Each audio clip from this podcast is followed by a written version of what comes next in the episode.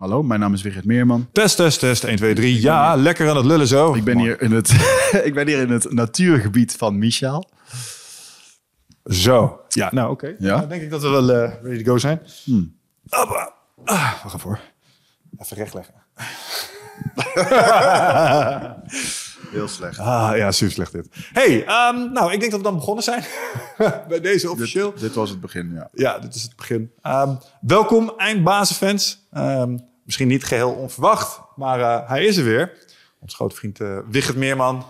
Nooit echt helemaal uit ons hart verdwenen natuurlijk. Maar uh, hij is vandaag in ieder geval weer even aanwezig Ja. om wat over zijn avonturen te vertellen. Maar allereerst natuurlijk, welkom terug broertje. Hoe gaat het met je?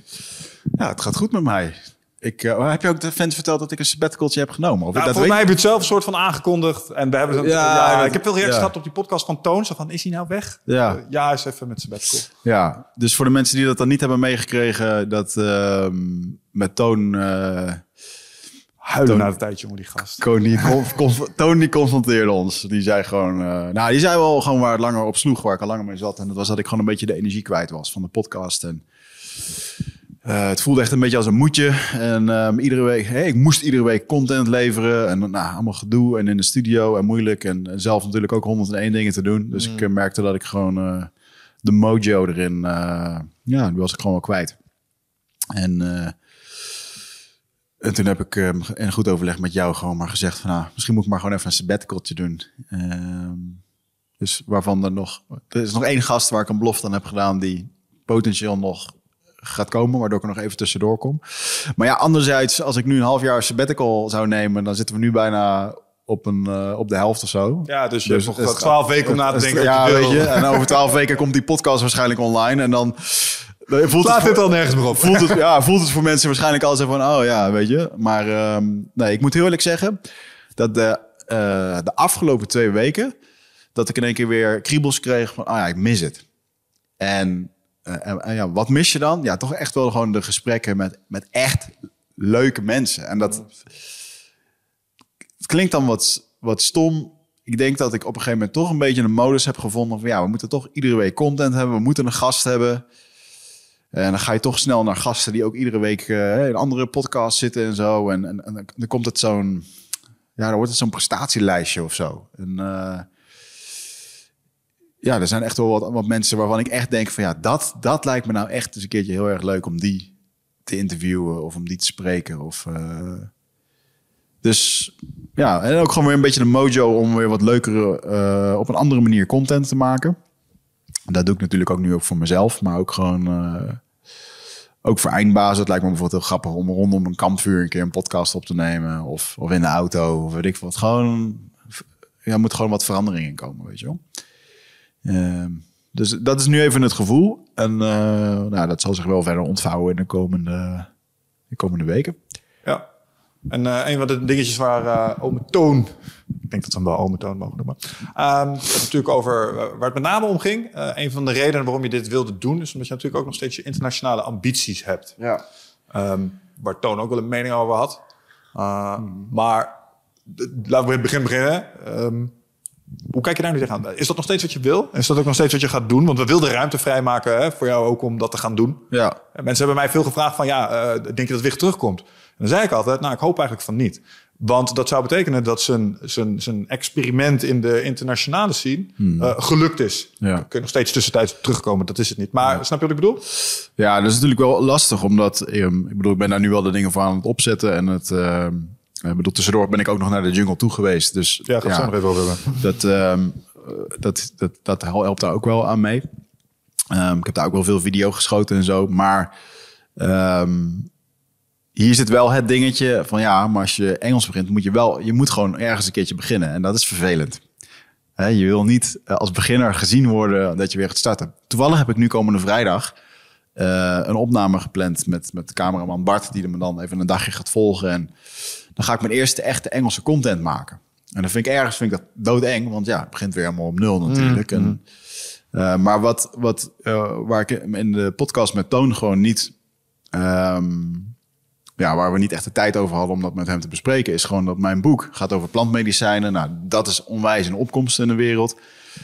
Ja, dat gaat internationaal, gaat dat gaat dat heel veel voor mij doen. Daar ben ik gewoon van overtuigd, omdat de markt gewoon veel groter is. Ehm, dus is dat de juiste keus? Ja, ik geloof zeker dat dat de juiste keuze is. Ik ben ook bezig om mijn boek nu te laten vertalen. Ehm, nou, dat kost A, heel veel geld. B, kost ook heel veel tijd. Ehm, eh, ja, en dan vervolgens moet het nog in de markt gezet worden. Dus om, eh, ja, om nou te zeggen van is je experiment binnen drie maanden gelukt? Ja, dat, nee, het is gewoon in gang gezet. En ja, dan kom je er weer achter dat, uh, fuck, we beginnen gewoon weer opnieuw. Weet je wel? We moeten weer opnieuw. En dat is een, ja, daar moet ik even doorheen. maar dat moet. Ja, maar ja, en je weet hoe het moet, want we hebben het natuurlijk, we hebben vaker met dat uh, bijltje gehakt. Hmm. Maar een van de dingen die het meest is uh, bijgebleven uit uh, de feedback die Toon erop gaf, was. Um, en daar heb ik me over zitten afvragen of dat waar is of niet. Want ik, ik henk op twee gedachten. Ergens denk ik dat hij een punt heeft. Ergens denk ik, ja, in deze virtuele wereld kan het overal vandaan. Maar dat je dan niet in Nederland kunt blijven om dat te doen. Ja, En daarvan dacht ik van, ja, I don't know man. Klopt dat wel? Hoe kijk je daar nu tegenaan? Dat vind ik echt oud denken. Um, vandaag de dag met de media. En, en, misschien is het wel dat ik die droom wel had om uh, altijd voor uh, duizenden mensen te, te, inspireren in het buitenland. Ja, misschien is dat straks gewoon via YouTube en via. Want als je nu aan mij vraagt, bij Wigert, je wil zo graag internationaal spreken. Maar wil je dan 30 keer per jaar in een vliegtuig zitten en dan ergens gaan spreken? Nee. Als ik, als ik gewoon 10 keer per jaar ergens naartoe word gevlogen om te spreken, dan is dat doel voor mij al een soort van bereikt. Nou, is dat heel erg ondenkelijk? Nou, ik denk het niet, weet je wel. Um, of dat ik bijvoorbeeld een keertje een tour ga maken door Amerika. Uh, en dat je laat dat van tevoren mensen weten dat je vervolgens geboekt kan worden. Dat zou dat ook voor mhm. mij zijn.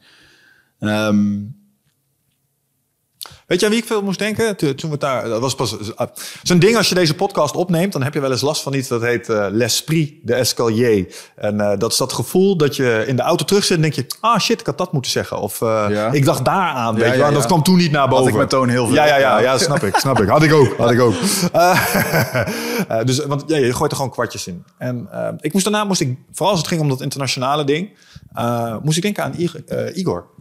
Ja. Igor Beuker. Want, want, dat is volgens mij een gast die exact doet wat jij zou willen doen op zijn eigen specifieke thema. Maar is gewoon uh, resident Amsterdam guy volgens mij. ik ben ook niet van plan om uit Nederland weg te gaan. Of misschien uh, dat we tijdelijk een keertje in het buitenland gaan wonen en dat soort dingen. Nee, mijn basis is gewoon hier. En mijn retreats zijn gewoon hier.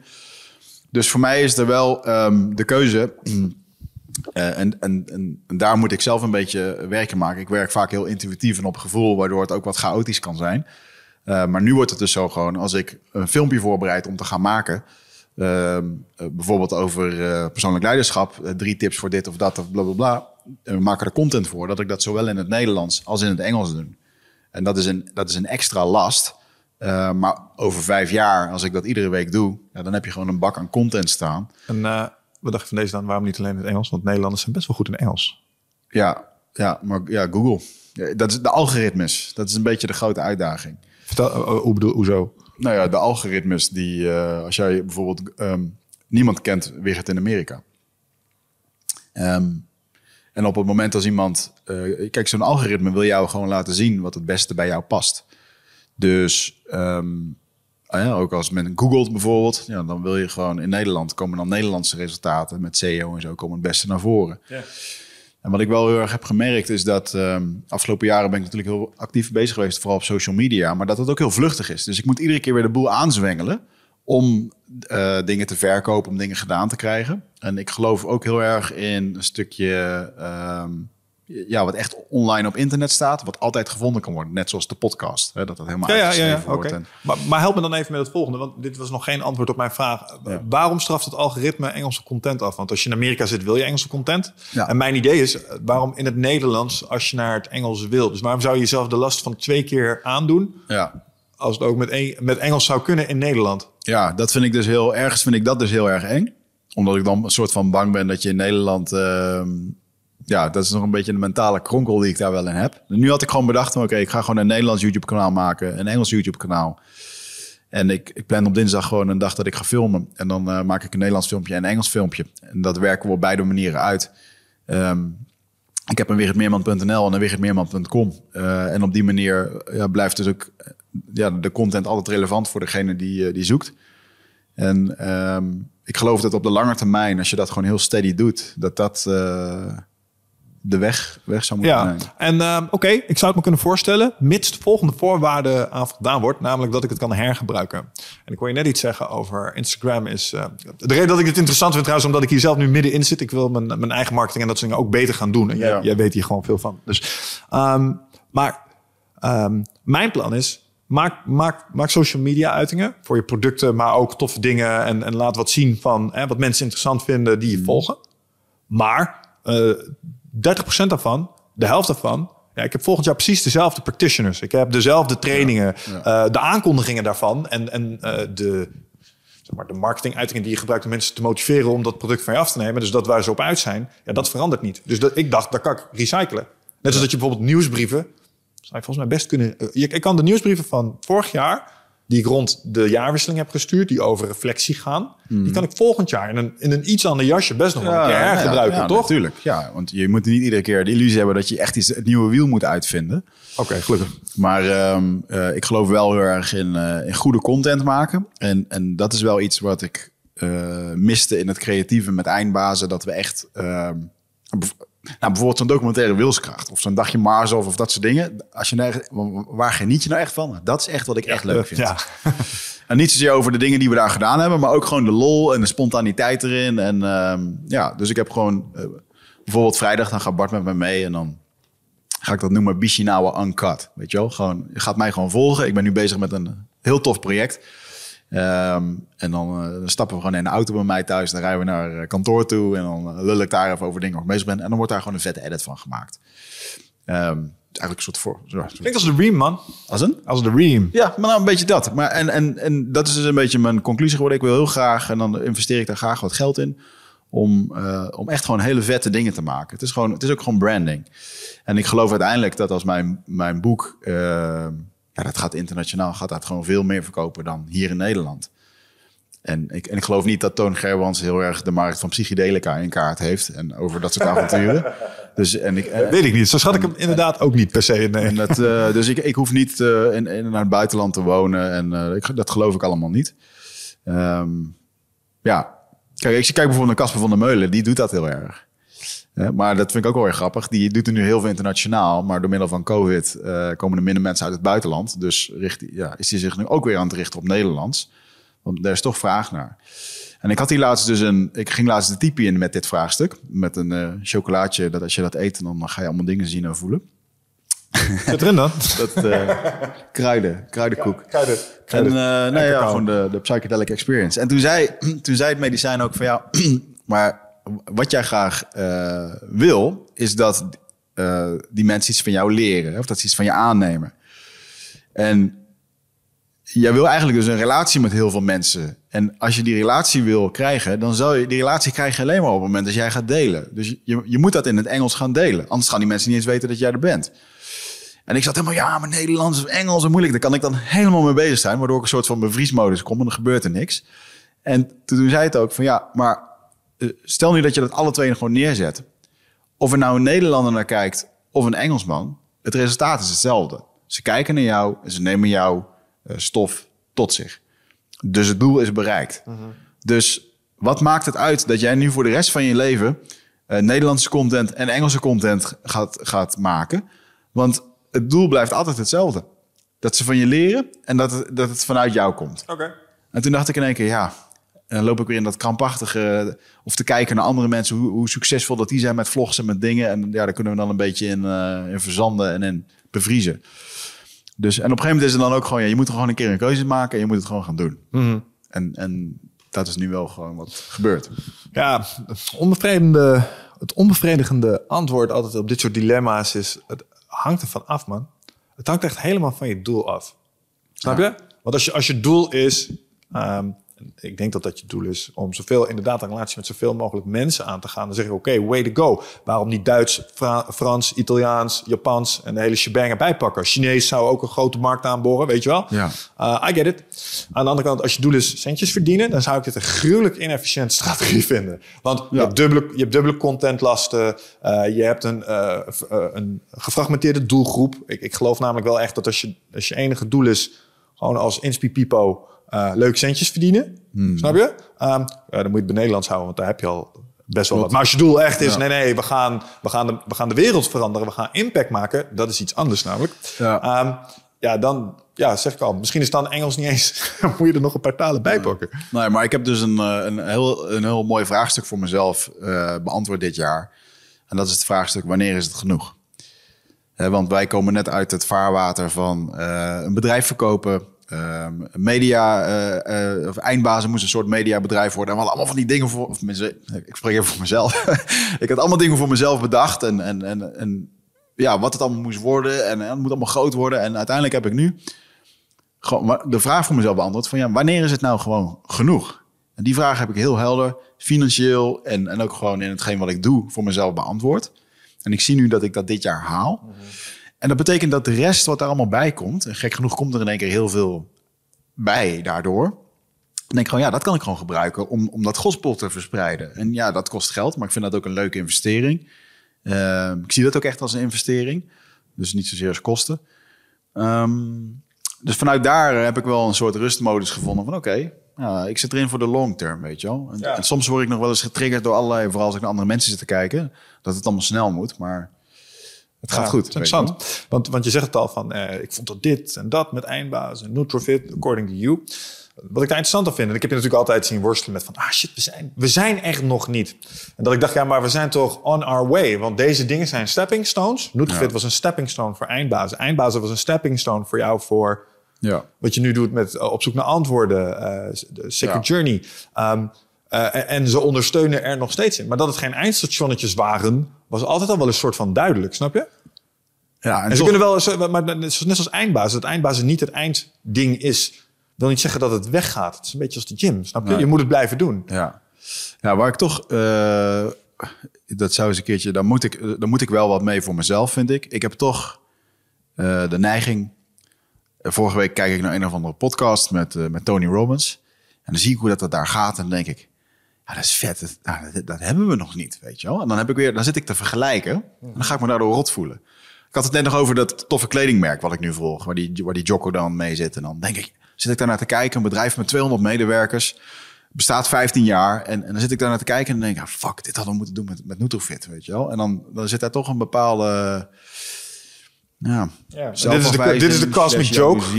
Hm? Er zitten nu mensen te luisteren en die denken, oh, dat is interessant. Ik kijk op exact dezelfde manier naar jou. Ja, ja, dat, ja.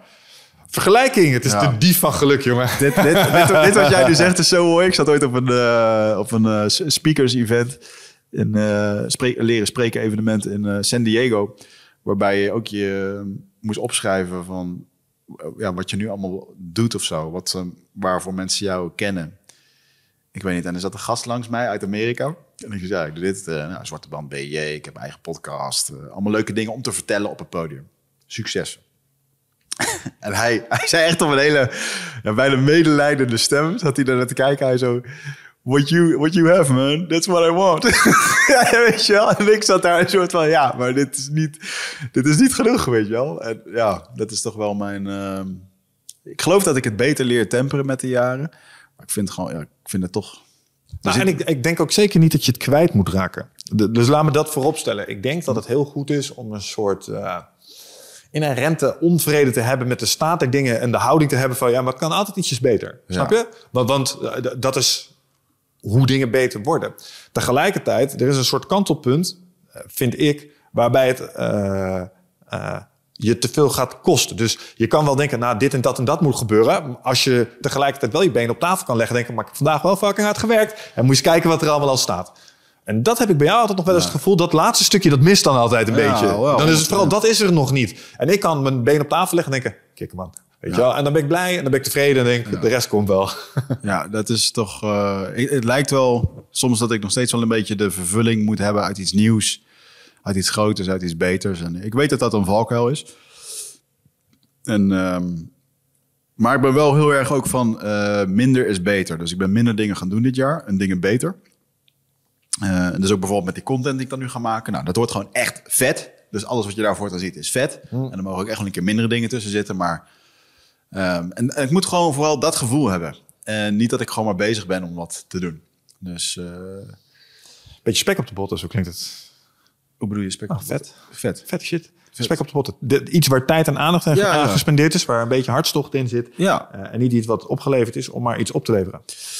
Nee, want ik, ik, ik denk toch wel, en ik, dat is ook een beetje het, de valkuilen, hè, dat, eh, want je hoort ons net over eh, algoritmes en zo. En als ik daarin duik in dat spelletje, dan kan ik mezelf helemaal gek maken over wat allemaal moet. Want over hoe de perfecte podcast moet, want we zitten hier met één lamp, één camera. En oh, weet je wel, de, de perfecte stress van jongen. die, ga, je, ga je nooit meer met twee shots dan aan de slag, Michel? Hey, let's keep it Nou, simple, motherfuckers. Ja, nee, ja, dat, maar dat, is, dat is jouw ding. Maar ik denk dan echt, ja, maar het is wel... we- Fuck, we hebben een standaard neergezet. We moeten dat wel houden, weet je wel. En dat, dat vind, ergens is dat dan heel belangrijk voor me. Ja. En hier zit het verschil. Want voor jou is de kwaliteitsnorm is hoe het eruit ziet. Ja. Voor mij is waar we het over hebben. Dus de woorden die we uit... Hoe het uit de podcast met Peterson. Ja. Helft van de tijd out of focus. Ja. I give two fucks. Echt, Ja. het zit me geen reet. Want ik had een tof gesprek met de gast. En, en ik heb iets geleerd van hem. Want de echte waarde zit niet in hoe wij eruit zien. Hè? Ik snap dat jij dat denkt. Ik snap dat ik dat misschien soms ook Nou. Maar, is niet zo. Nou, maar ik vind, dat, ik vind dat dus vet als dat eruit ziet. Vet als dat er mooi Ja, nee, dat, dat snap ik wel. Maar ik denk dat de echte waarde dus zit in, in dat wat, je, wat de mensen eruit halen. Ik bedoel, jij inspireert mensen. Ehm, die gaan, eh, omdat ze iets wat jij hebt geproduceerd, heeft ze geraakt. En nu doen ze dingen anders en beter. Ja. Dat is niet omdat er een bepaalde filter over de video heen lag. Nee, maar ik hou gewoon wel van die mooie kwaliteit. En we hebben sommige afleveringen hebben we er echt eventjes de best op gedaan. En is dat goed. En dan werd dat weer verwaterd. En, en eh, weet je, dan, eh, dus ik vind dat... eh, Je ja. bent ook een marketeer. Ik, ik zag je dit al doen bij Heat FC, jongen.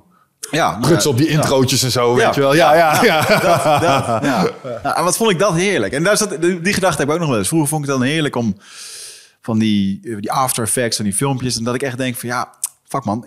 Ik had die ook, daar had ik echt talent voor. Trouwens, Weet je? ik ben, ik ben laatst verhuisd, zoals je weet. Ik kwam de Heat FC banners tegen. Echt? Ja, ik heb Oh, ze. Ik ze heb al. ze. Als je ze kwijt bent, ik heb Ja, ze. nee. Ik weet waar ze liggen. Die lagen sowieso bij jou. Ja, dat zijn de grote toch? banners, maar volgens mij ook die grote prints van je. Ik heb een print van Wichert in zijn eh training short, dat hij heel stoer onder zo'n lamp staat. Die heb ik volgens mij ook nog. Echt? Ja, Wat ja, grappig. die hangt boven mijn bed nu. Wat leuk.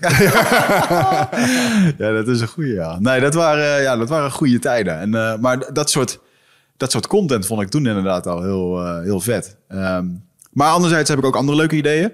Ehm, onder het idee... ehm, en dat is dus ook een beetje een algoritme fuck. Vroeger had je heel veel abonnees nodig hè, om dus heel veel views te krijgen.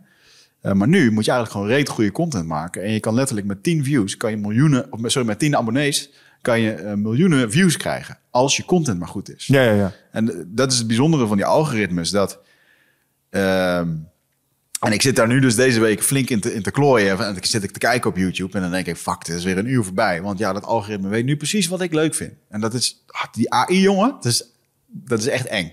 Ja, ja En- dat en, weet je wat eh, het doet. Maar wat ik, waar ik dus heel erg naar uitkijk is bijvoorbeeld om, eh, om wilskracht eh, op, opnieuw op te gaan nemen. Ik ga nog een keer de kennismakingsdagen doen, maar dan ga ik alles in het Engels vragen. Ja, leuk. Mag ik weer mee? Dus do we have to jump in this pool? ja, wat, wat horen wij?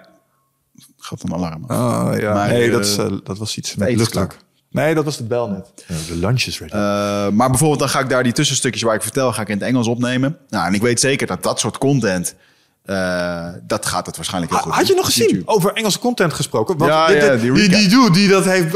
Oké, eh, moet je kijken. eh, wilskracht, eh, hoe noemt hij het ook alweer? Gaat de gast, gaat een Amerikaan, echt zo'n Ja. true-blooded American. Die gaat commentaar zitten geven zo, op, die, op die documentaire. is echt Ja. kicken. Het is een beetje zo'n, eh, dat is gewoon een trend waar heel veel mensen veel views mee halen. Dat je gaat een reactie geeft over iets. Ja, reaction vids. Ja, dus dat. eh al moet ik wel zeggen, ik vond het wel heel leuk dat hij nu het deed.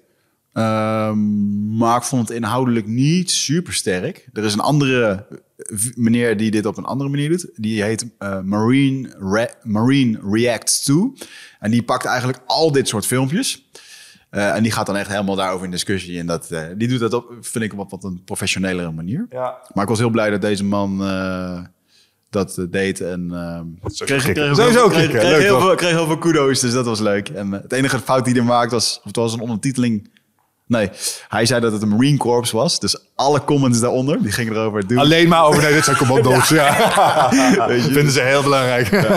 Dus, eh, maar ik kijk er heel erg naar uit om dat bijvoorbeeld als experiment te doen. En eh, nou, ik ben natuurlijk in de jungle geweest. Daar heb ik echt, eh, met een dag van tevoren heb ik nog een nieuwe iPhone gekocht. En ik heb er echt zulke dikke beelden geschoten. Mooi man. Dus daar ga ik ook lekker content mee maken en over vertellen. En, en uiteindelijk is dat natuurlijk ook gewoon de core van... en het gaat me niet over honderden abonnees, want ehm, ik wil want ik noemde het natuurlijk van de YouTubers die nu heel veel volgers hebben. Maar het gaat er mij om dat de mensen eh, die dit soort materie interessant vinden, dat die mij vinden. en, en dat doe ik dan liever met gewoon hele ja, bijzondere content. eh, en dat die mensen dat dan te zien krijgen. Ja, Ja, dus daar wat- kijk ik wel naar uit. Want Ja. mensen die deep dives doen naar dingen, dat is interessant. Ik zag laatst een update in mijn eh, Google Chrome voor mijn zoekhistorie. En wat hij nou heeft is flows. Dus, Hmm. oh, en, en als je daarin terugkijkt, dan zie je, oh, hier was ik dat aan het uitpluizen. Snap je? En eh, hier was ik dat aan het eh, onderzoeken. En ehm, eh, ik weet niet hoe jij je, je research doet naar dingen, naar specifieke stukjes content. Maar ik merk dat als ik in een bepaalde. eh, ben ik in een bui, bijvoorbeeld, ik heb laatst een deep dive gedaan naar het spirituele en het occulte. Maar ik merk, ik heb binnen no time heb ik door wat de top 5 kanalen zijn die dat soort content op een hoge kwaliteitsmanier. Want als je Ja. erop zoekt, je komt ze tegen, je kijkt naar de duur, je kijkt naar de kwaliteit, je probeert er een paar. En dan heb ik, nee, die gast die vertelde het het leukste. En dan en dan ga je daar naartoe. Ja, ja Dus, dus op een of andere manier, je komt, je komt ook wel weer veel bovendobberen. Maar net wat je zegt, ehm het moet wel een video zijn waar ook even echt iets in zit. Ja, en dat is nu wel een beetje. ehm, en ik denk dat ik misschien afgelopen jaar op een gegeven moment ook wel een beetje gedacht heb van ja, maar het is heel belangrijk om, om iedere week iets te doen. Iedere week lanceren. Dat hebben we ook heel vaak als voornemen gehad. Of, en dat nog omhoog halen. En ja, dat gaf toch ook heel veel stress. Ik ga nu liever gewoon, oké, het mag gewoon echt heel goed zijn. En dan gaan we gewoon eh, iets heel vets maken. En ehm, ik ben dat nu lekker aan het uitwerken. Dus ik heb toevallig van de week in mijn kantoor een, roadmap gemaakt. Zoals jij dat eh, hebt geleerd. De 12 ways manier. Hij was een van de eerste Ik was een van de eerste. slachtoffers. Ik zat bij de eerste lichting 12 waivers, lieve mensen. Was het nog een jaartraject. hè? Dat, dat Is zijn nog steeds zo. Ja, dat, Ja? ja? eigenlijk zijn we helemaal terug naar af in dat opzicht. Want de vechtsporten zitten er weer in. Eh, de Marine Experience is nooit van, ik ga het zwaardvechten niet terughalen, hoewel ik het wel graag zou willen. Dat, was wat een workshop was dat. Moet ik wel zeggen dat ik daar heel... eh, ik heb er van de week heb ik daar nog aan zitten denken. Ehm, ja, dan weet ik even niet of dat ik dat hier moet vertellen misschien. Didactisch was deze meneer wel... eh, Oh ja, nou, ik, weet, ik denk dat ik weet waar je naar verwijst. Ehm, Ja. Oké, ik, ik heb dus eh jaarprogramma's doe ik, leiderschapsprogramma's. En ik vind het vitaliteitsstuk ook heel belangrijk. Maar ook het eh, mentale en fysieke weerbaarheidsstuk. En toen ik dit de eerste keer deed, toen heb ik zitten fantaseren over alle dingen die ik kikker zou vinden om erin te stoppen. Een van de dingen waar wij op liepen te geilen over toffe filmpjes gesproken, toen we net met Nutrofit begonnen, was het On It Headquarters. Ja, en ja. vooral Daar dat, ja, dat Aubrey en co, die hadden dan beneden in de, in de dojo, kregen ze kendo. les. Kendo. Dus ik had ik wil ook leren zwaardvechten. Dus weet je wat, ik ga eens kijken of ik zoiets in mijn programma kan trekken. Dus toen ben ik op zoek gegaan Ja. in Nederland naar partijen die dat doen. Toen ben ik die kerel tegengekomen.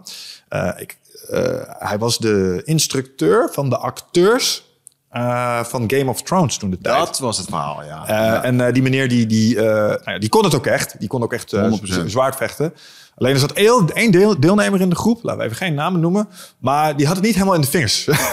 dat zwaardvechten best wel technisch. Je mag sommige dingen met je duim wel en niet doen. Ja. Overpakken en zo. En ehm, nou ja, we hebben ons beiden staan verbaasd over eh, hoe dat werd opgelost in de les.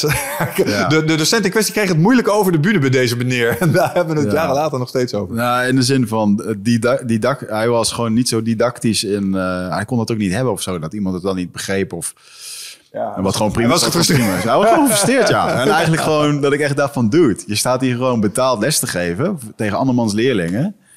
En eh, nee, maar goed, dat, eh, ik vond het wel een hele leuke ervaring. Ja, en sowieso het zwaardvechten was... eh, ja, het, het- nogmaals, het waarschijnlijk kwam, komt het gast met van die hele grote... Ik heb veel van geleerd. Ik heb echt veel van geleerd. Ik, je, zwaarden je, kon je je begrijpt aanzetten. in één keer het slagveld, zoals de ridders dat deden, in één keer een stuk beter. Weet je wat ik ervan onthouden heb? Die Meisterschlag.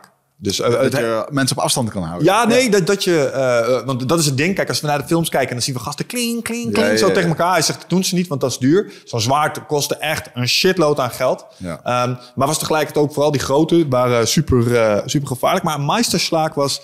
Als je een eh, blok uitvoerde... en dat is wat een ridder dan kon... omdat zijn wapen groter was... kon hij in één keer doortikken. Dus je blokte... en dan tikte hij in één keer die, dat ding zo achter iemand zijn oor... Ja. en dat was dan iets wat alleen kon met die two-handed eh, big ass swords. Dat lukt je niet met je aardappelschilmesje. Ja, ik vond dat, eh, dat verhaal vond ik vet wat hij vertelde. Dat zo'n ridder, om zijn eigen krachten te sparen... dat hij gewoon een mannetje of vier, vijf gewoon op afstand kon houden... door in één be- beweging gewoon door te blijven zwaaien. En dat het dan ook minder eh, ja, Omdat die momentum had. momentum had. Ja. En probeer er maar eens bij te komen. En tussendoor kan je wel een keer een aanval doen... maar dat, hij gewoon, dat je zo toch in je eentje best wel lang kon overleven op het slagveld. Dus oh, fucking bruut is dat. Nasty, ja. Ik net zeggen, denk daar eens over na. Alright. Maar eh, ja, inderdaad, het zwaar vechten. hey, maar laten we het eens even hebben over, ehm, over de Jungle Man. Want ehm, Ja. Nou ja, een van de dingen waarmee de podcast natuurlijk ook wel enigszins roem heeft verkregen... is natuurlijk eh, je eerdere avonturen daar. Mensen vinden die verhalen altijd prachtig. Ehm, want je bent natuurlijk al een paar keer eerder geweest. En dat eh, was voor nou, eigenlijk opleiding tot... Rituelen gedaan om het shamanistische pad eh, te gaan bewandelen daar. Maar ik denk dat dat nu eigenlijk pas echt is begonnen. Want de eerste keer was natuurlijk echt gewoon een, eh, een reiniging van mijn ziel. Dat, dat ging echt over mij en al mijn ellende eruit wassen. En, eh, ja. Toen ben ik nog een keertje terug geweest. En daar hebben we gek genoeg nooit echt een podcast over genomen. Toen ben ik nog gebaptized. Dat was anderhalf jaar later. Ben ik ingewijd in de stam. Was ook mooi met een ritueel. Ehm, en toen ja, heeft het, kreeg ik een Dat was dochter. toch die 24, 24 uur aan uh, hangmat liggen? Ja, 24 uur hangmat liggen, kambo. En, eh, Ja, dat, wel dat je-. Ja, in ieder geval individueel. we dan. hebben Niet als echt- podcast. Niet echt een hele aflevering aan gewijd. We hebben er een paar opgenomen inmiddels, dus ik weet het niet meer. Maar ehm, en, ehm, toen is het eigenlijk een paar jaar rustig geweest. hè. Ik kreeg natuurlijk ook een dochtertje. En dat, ja, ik had ook gewoon geen behoefte om weg te gaan. En nu afgelopen jaar ehm, had ik in één keer een ayahuasca-ceremonie. Waarbij een vriend van mij echt slecht ging. Die heeft echt drie, vier uur lang lopen roepen... ik wil niet meer, ik kan niet meer, ik wil eruit. En, en ja, dit was echt... eh, je, je kent wel eens van die... Je, dat je heel erg kan invoelen waar iemand in zit. En ik heb daar ook in gezeten in dat soort eh, dingen. Dus op een gegeven moment riep je ook dat hij een ambulance nodig had en dat soort dingen. Zei die met een grijns. Ja, ik zat er samen met iemand die ook een beetje helder was. Zo van, nou, dat gaan we niet doen, man. dus, eh, maar ja, je kan dat echt denken, weet je wel. Als je helemaal in het loopje zit. En dat was zijn tweede keer volgens mij. Dus, eh god damn, man. Luister man, ik heb vrienden, ik heb vrienden, ik ga geen namen noemen. Ik die hebben 112 gebeld omdat ze een jointje hadden gerookt. Waar op Ja. ze een bepaalde manier al op gingen. Dus laat staan, zoiets als dit. I get it, I get it. Eh, waarvan echt een gig- goud filmpje op YouTube is. Van die twee politieagenten die een bel wiet die in beslag was genomen. Die was gejat. Daar hadden ze zelf een cake van gebakken. Die hadden ze opgegeten. En op een gegeven moment belt hij gewoon 112. Time is going really, really, really, really, really slow. I'm dying man. Dat, ze gewoon de, dat de politie zelf de politie belt omdat ze geholpen moeten worden, weet je wel. En dat hij dan ook toegeeft dat hij, dat, eh, dat hij daar cookies van heeft genomen. You really have to send an ambulance. I think my heartbeat is stopping. Dat kan je gewoon op YouTube vinden, dat is hilarisch. Maar goed, anyway. Ah, je kan je slecht voelen op dat spul. Dus, Ja, eh, zeker. Ja, dus, Ja, maar hij zat er middenin. En ehm, toen ehm eh, gebruikte het medicijn dat eigenlijk als metafoor. Van ja, maar dat waar hij nu in zit, dat is waar straks heel veel mensen in komen te zitten. Ehm, want eigenlijk als je kijkt naar bijvoorbeeld mensen met mentale gezondheid... ehm, de stress, de burn-outs... en natuurlijk de effect van, de, van lockdowns en, en, de, en pandemie en dingen... Dat we meer stress, eh, slechter voor onszelf zorgen, slecht slapen. ehm, ja, veel eh, dingen die we binnenkrijgen via social media, eh, waar je ook niet beter van wordt. Nou, ik zit hier net te kijken dat ik me rot ga voelen omdat ik zit te vergelijken. Er zijn ook heel veel mensen die zijn bang. Meer pillen, meer spuiten. En ja, dat, eigenlijk als je daarnaar kijkt, dan zie je eigenlijk dat die lijn bergafwaarts gaat.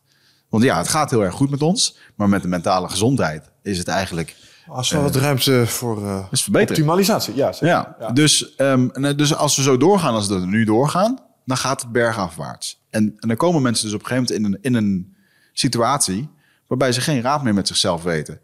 Ik, soms heb ik gewoon mensen in mijn inbox die graag naar mijn retreat willen. En eh, dan krijgen ze even de, krijg even de voorgeschiedenis waarom ze bijvoorbeeld daar willen komen.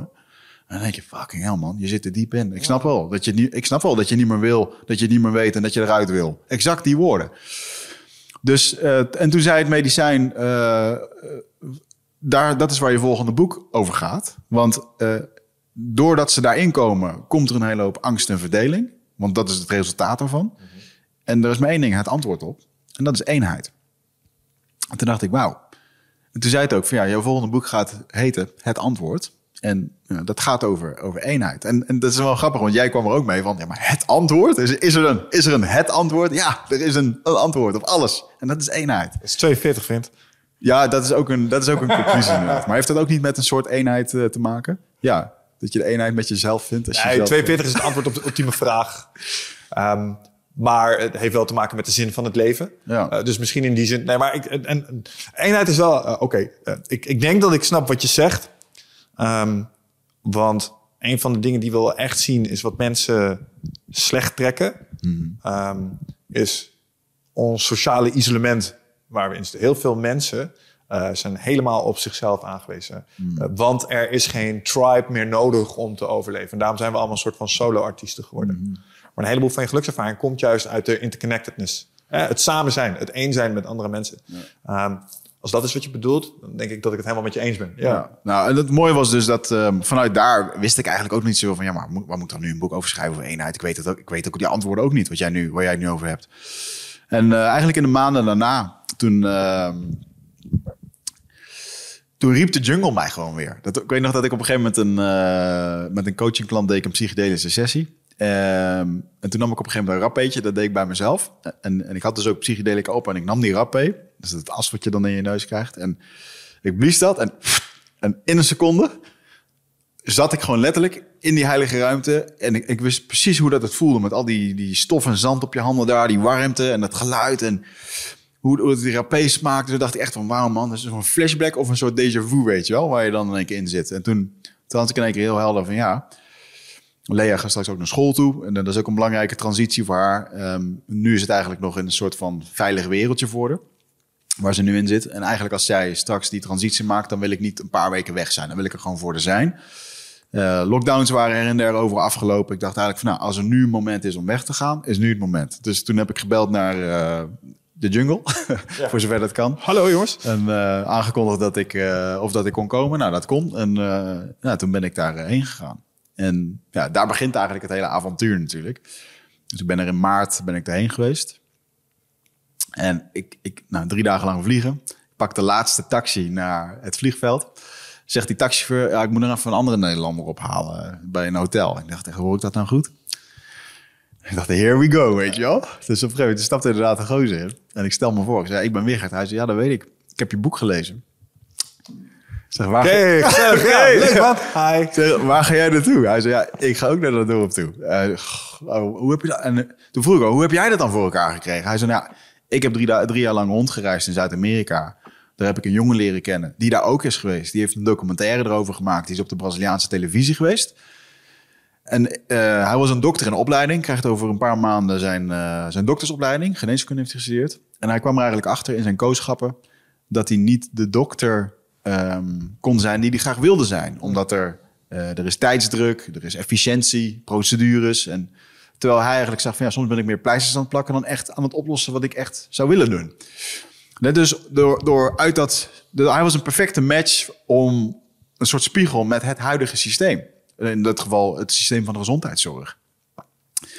Hij heeft dus een documentaire gezien op YouTube. En toen dacht hij, "Maar als ik ergens heen wil, dan wil ik naar dat stamhoofd toe. En die documentaire had dus een vriend van hem gemaakt. En met die vriend van hem ben ik dus vier jaar geleden toevallig op de baptism geweest. Schijnbaar zijn we daar geweest. Kleine wereld. Dus hij kijkt dat ergens op YouTube. Eh, hij maakt vervolgens de beslissing: oké, ik wil daarheen. Ik ga naar de bibliotheek om meer informatie te verzamelen. Hij loopt de bibliotheek binnen en hij loopt recht tegen mijn boek aan. Hoe groot is die Sowieso, kans? Weet je sowieso sta even stil bij het feit dat je in de bibliotheek ligt. Dat is leuk. Ja, zeker. Ja, ja, ja. Dat, eh, ja, dat is mooi. Dat, dat, eh, Heb jij dat niet al met jouw boek? Ja, zeker. Maar dat is een Ja. fijn idee. Ja, zeker. Ja, dat is echt leuk. Ja. En ehm, nou ja, dus dat was gewoon een hele leuke toevalligheid. En eh, het was een ware aanwinst, want hij sprak ontzettend goed Portugees. Ik kon het ontzettend goed met me vinden. En ehm, het was ook mijn leukste keer ooit eigenlijk in de jungle, want ik, ik kende nu de mensen. Eh, ik wist mijn weg in de jungle. Ik, ja, je bent gewoon meer op je gemak. En ehm, het enige nadeel wat was, was dat de oorlog net acht dagen geleden uitgebroken was in Oekraïne. En ik maakte me daar wel, ja, ik had er toch wel zorgen over. Zo van, wat gaat er gebeuren? Er werd ook in één keer geschreven over de grootste nucleaire dreiging. En eh, weet je dan, en wat doet Wigert dan? Die gaat dan toch weer allerlei info zoeken. ehm, om zichzelf een soort van gerust te stellen. En ik, ik denk dat ik dat toen nog niet helemaal door had. Maar toen was ik dus bij Isha weer en zaten we in een heilige ruimte. Toen hebben we dus eh, twee avonden achter elkaar ayahuasca gedronken.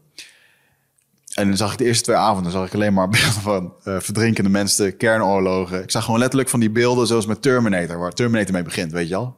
Die flitslicht en dan dat je gewoon het, het vel van mensen af ziet smelten. En ik stond daar gewoon als een soort levend iets in een brandende hel te kijken van ja, wat doen we hier met z'n allen? En het medicijn wilde me niet vertellen van wat, ja, waarom. Dus ik zat daar gewoon drie uur lang naar te kijken. En de volgende dag weer. En Isha en de, die dokter, die, ik noem hem even zo, de dokter, die hadden dat ook. Gek genoeg. En ehm, toen zei het medicijn, nou op de derde dag, uh, dan is de grote ceremonie in het, uh, in het dorp. En dan, uh, dan krijg je daar wel antwoord op. En het was sowieso super grappig dat ik de eerste avond daar was. En dat, dat ik wel had gecommuniceerd dat ik erheen zou komen. dat Isha echt zei vroeg, hé, maar uh, waarom ben je eigenlijk hier? Wat doe jij hier? Ja. zo, ja, want we wisten wel dat je wilde komen, maar waarom ben je eigenlijk hier? Nou, in eerste instantie uh, was ik daar ook echt om een boek te geven. Dus ik heb mijn boek aan hun overhandigd. Nou, dat, dat was echt heel bijzonder. Um, om, ja, zij zeggen ook gewoon van ja, de, als wij straks dood zijn, dan is er niks meer van ons. Dan is niks geschreven. Dus dit, dit zorgt ervoor dat wij voort kunnen leven op een manier. En dus dat was wel heel mooi om, daar, uh, ja, om dat aan ze te geven. Ze begrepen er natuurlijk niks van. En leuk om met Isha even de verhalen op te halen, wat er dan allemaal was gebeurd. En, um, en daarnaast uh, ben ik begonnen met het uh, geven van rapé-ceremonies. Dus met dat as, um, wat je dan in je neus geblazen krijgt.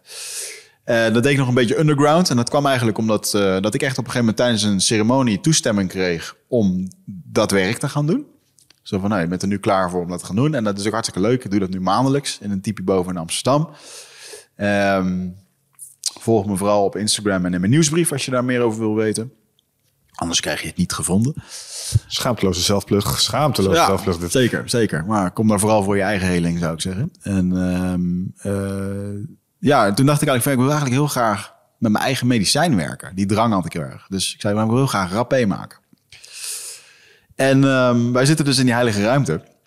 En op een gegeven moment, daar heb je die hele grote avatarboom. En op een gegeven moment er gewoon echt een fucking harde knal. En, en Isha die kijkt echt op. Hij is zo super droog. Hij zo, nou, je wilde rapé? Daar ligt het. En uh, hij viel gewoon vijf meter tak uit die boom. Viel gewoon uit 40 meter naar, viel er naar beneden. Uh, en dat doet die boom schijnbaar om zichzelf. Bomen laten dus takken los om zichzelf uit te balanceren om naar boven te groeien. Wist ik ook niet, weet je wel.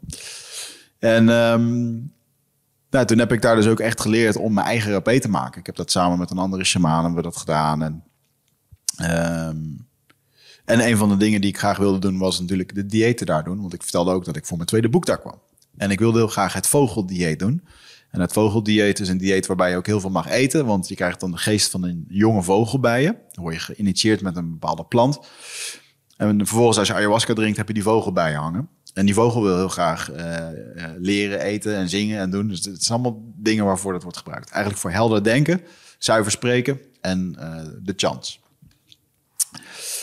Dus um, op een gegeven moment, uh, ik zie eens een shamaan, die zie ik daar een, een uh, het vuur aansteken voor het maken van die rapé. En hij deed dat met een heel gebed, jongen, mooi met zijn tooi op, deze mooie, zijn mooie pak aan, met zijn veren en dingen. En hij deed dat met een bepaalde intensiteit, dat ik echt, ik stond echt aan het kijken, dacht echt van, wauw, is echt mooi. Ik heb het ook mooi op video weten vast te leggen. Het is echt fantastisch om te zien.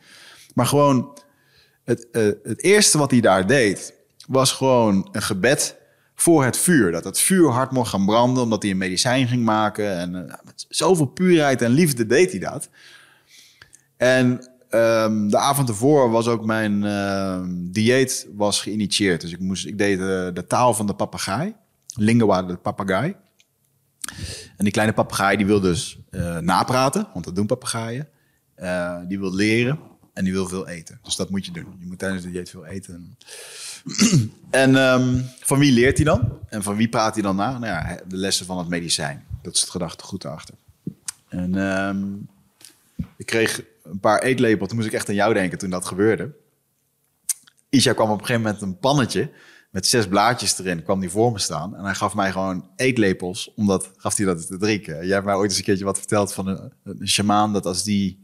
Wat deed hij nou? Als een shamaan zijn eigen spuug aan je geeft? Ja, oh ja, dat zijn, ja, ja, ja. Als je de... Um, Oké, okay, even graven.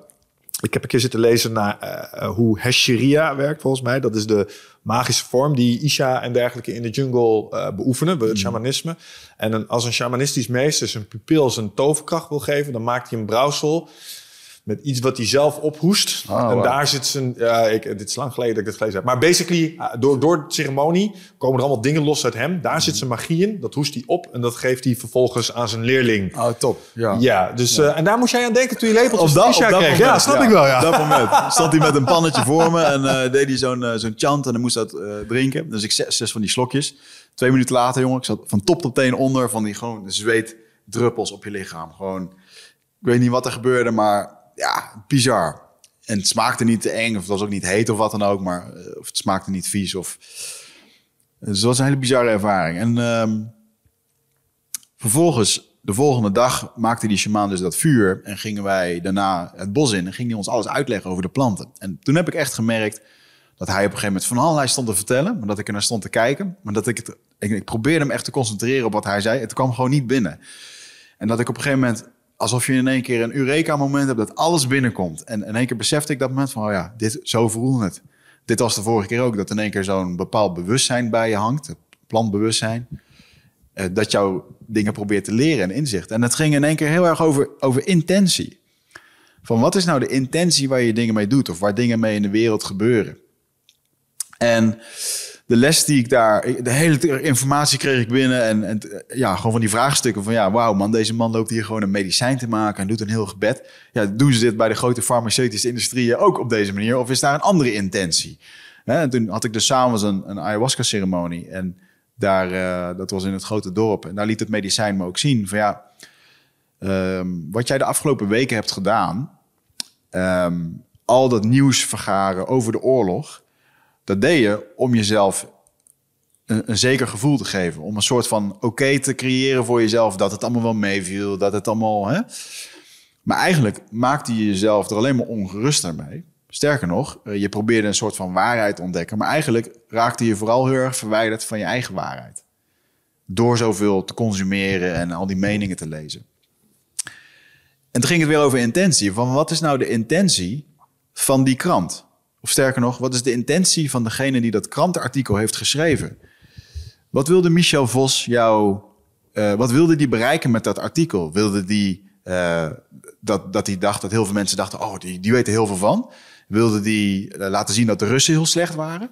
Wilde die um, ja, een objectief iets neerzetten? En, en dan nog een keertje, wat is de intentie van het bedrijf erboven? Met al die clickbait-titels, met nucleaire dreiging. Uh, net als de, het aantal coronadoden. Van oh, waarom moeten we daar allemaal op? Nou, daar klikken we schijnbaar op. En dat is ook de intentie daarvan.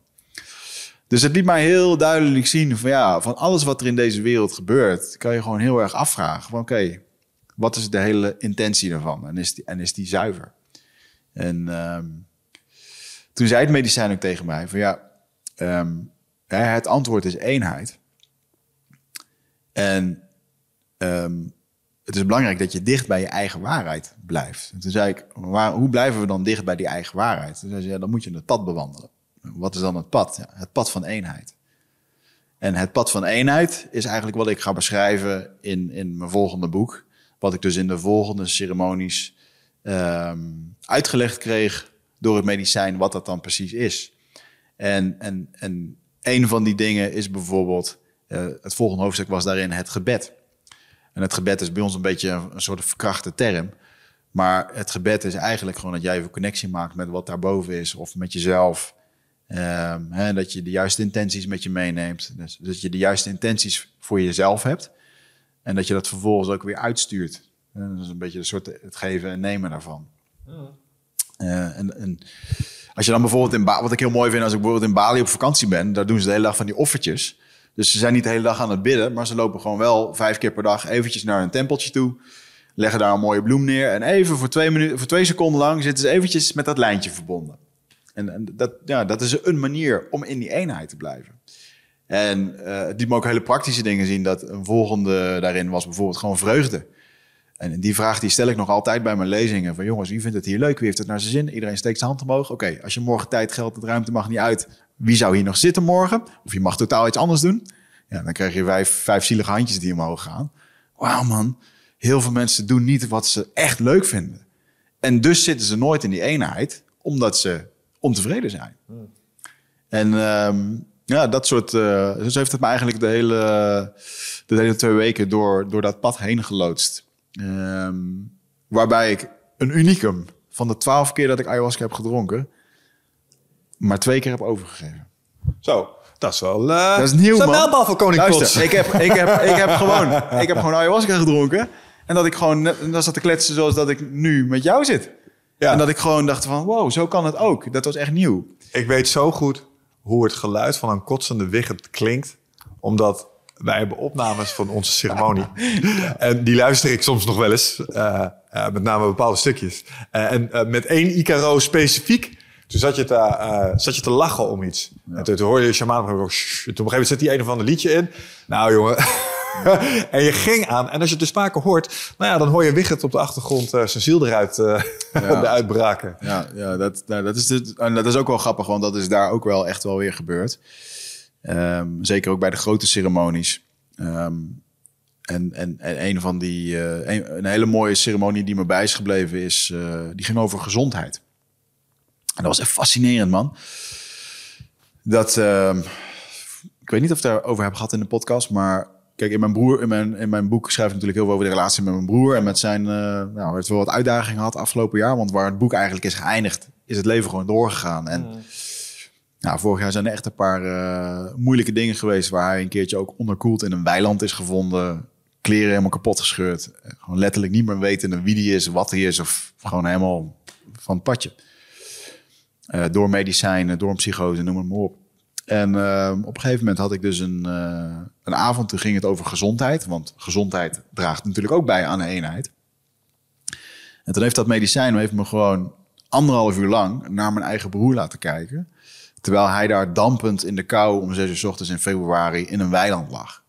En, en, en gewoon, het was zo echt. Maar, en terwijl ik daarnaar zat te kijken... en dat hij gewoon een beetje lag te bewegen en te doen... en ah, had ik gewoon zoveel inzicht over ehm, hoe zij kijken naar gezondheid. Dat het systeem hier geeft hem pillen, haalt hem op, eh, wil hem eigenlijk niet. Het kost geld, het is moeilijk. En, en, en wij als familie dragen daar natuurlijk ook aan bij, want wij vinden het ook moeilijk en hebben de antwoorden ook niet. En terwijl daar, eh, omdat hij natuurlijk de schizofrenie en het autisme eh, heeft als label, liet het medicijn me daar heel erg zien. Ja, maar hier eh, drinken we iedere week het medicijn. En dat medicijn, en dat is ook bewezen, dat doet iets met de, de elasticiteit van je brein. Waardoor je dus, als er een keertje trauma is, eh, waardoor dat dus zichzelf kan aanpassen. Dus als je daar trauma hebt, je drinkt iedere week het medicijn, dan wordt het trauma gaandeweg gewoon gecorrigeerd door het medicijn. Daarom komen die ziektes daar ook niet voor. Hier gebeurt een bepaald trauma eh, en hoopt dat trauma zichzelf eigenlijk alleen maar op, waardoor het uiteindelijk zich uit in een zie- ziekte als eh, autisme of schizofrenie. En, en oh, ja, joh, het liet me gewoon zo mooi zien hoe dat de natuur gewoon wil dat jij zelfhelend bent. En dat is denk ik ook de reden waarom eh, het mediteren, de Wim Hofs, de ijsbaden en alle andere dingen. Je hebt gewoon zo'n gigantisch zelfhelend vermogen. Maar het lijkt er gewoon op dat ons systeem wil eigenlijk helemaal niet dat jij dat aanzet. Dat is helemaal niet lucratief voor ze. Hè, dat als jij bij de dokter komt eh, die dan pillen voor gaat schrijven... terwijl het eigenlijk gewoon aan je voedsel ligt. Ja, oké. Maar ik ben 100% met alles eens wat je zegt. Maar, eh, ik denk dat het, het menselijk lijf zelfgenererend is. Ik denk dat we op een bepaalde manier leven eh, die eh, niet noodzakelijk bijdraagt aan mentaal gezondheid. eh, en daarmee je fysieke gezondheid. Alleen waar ik altijd een beetje jeuk van krijg als ik dit soort dingen hoor met het systeem.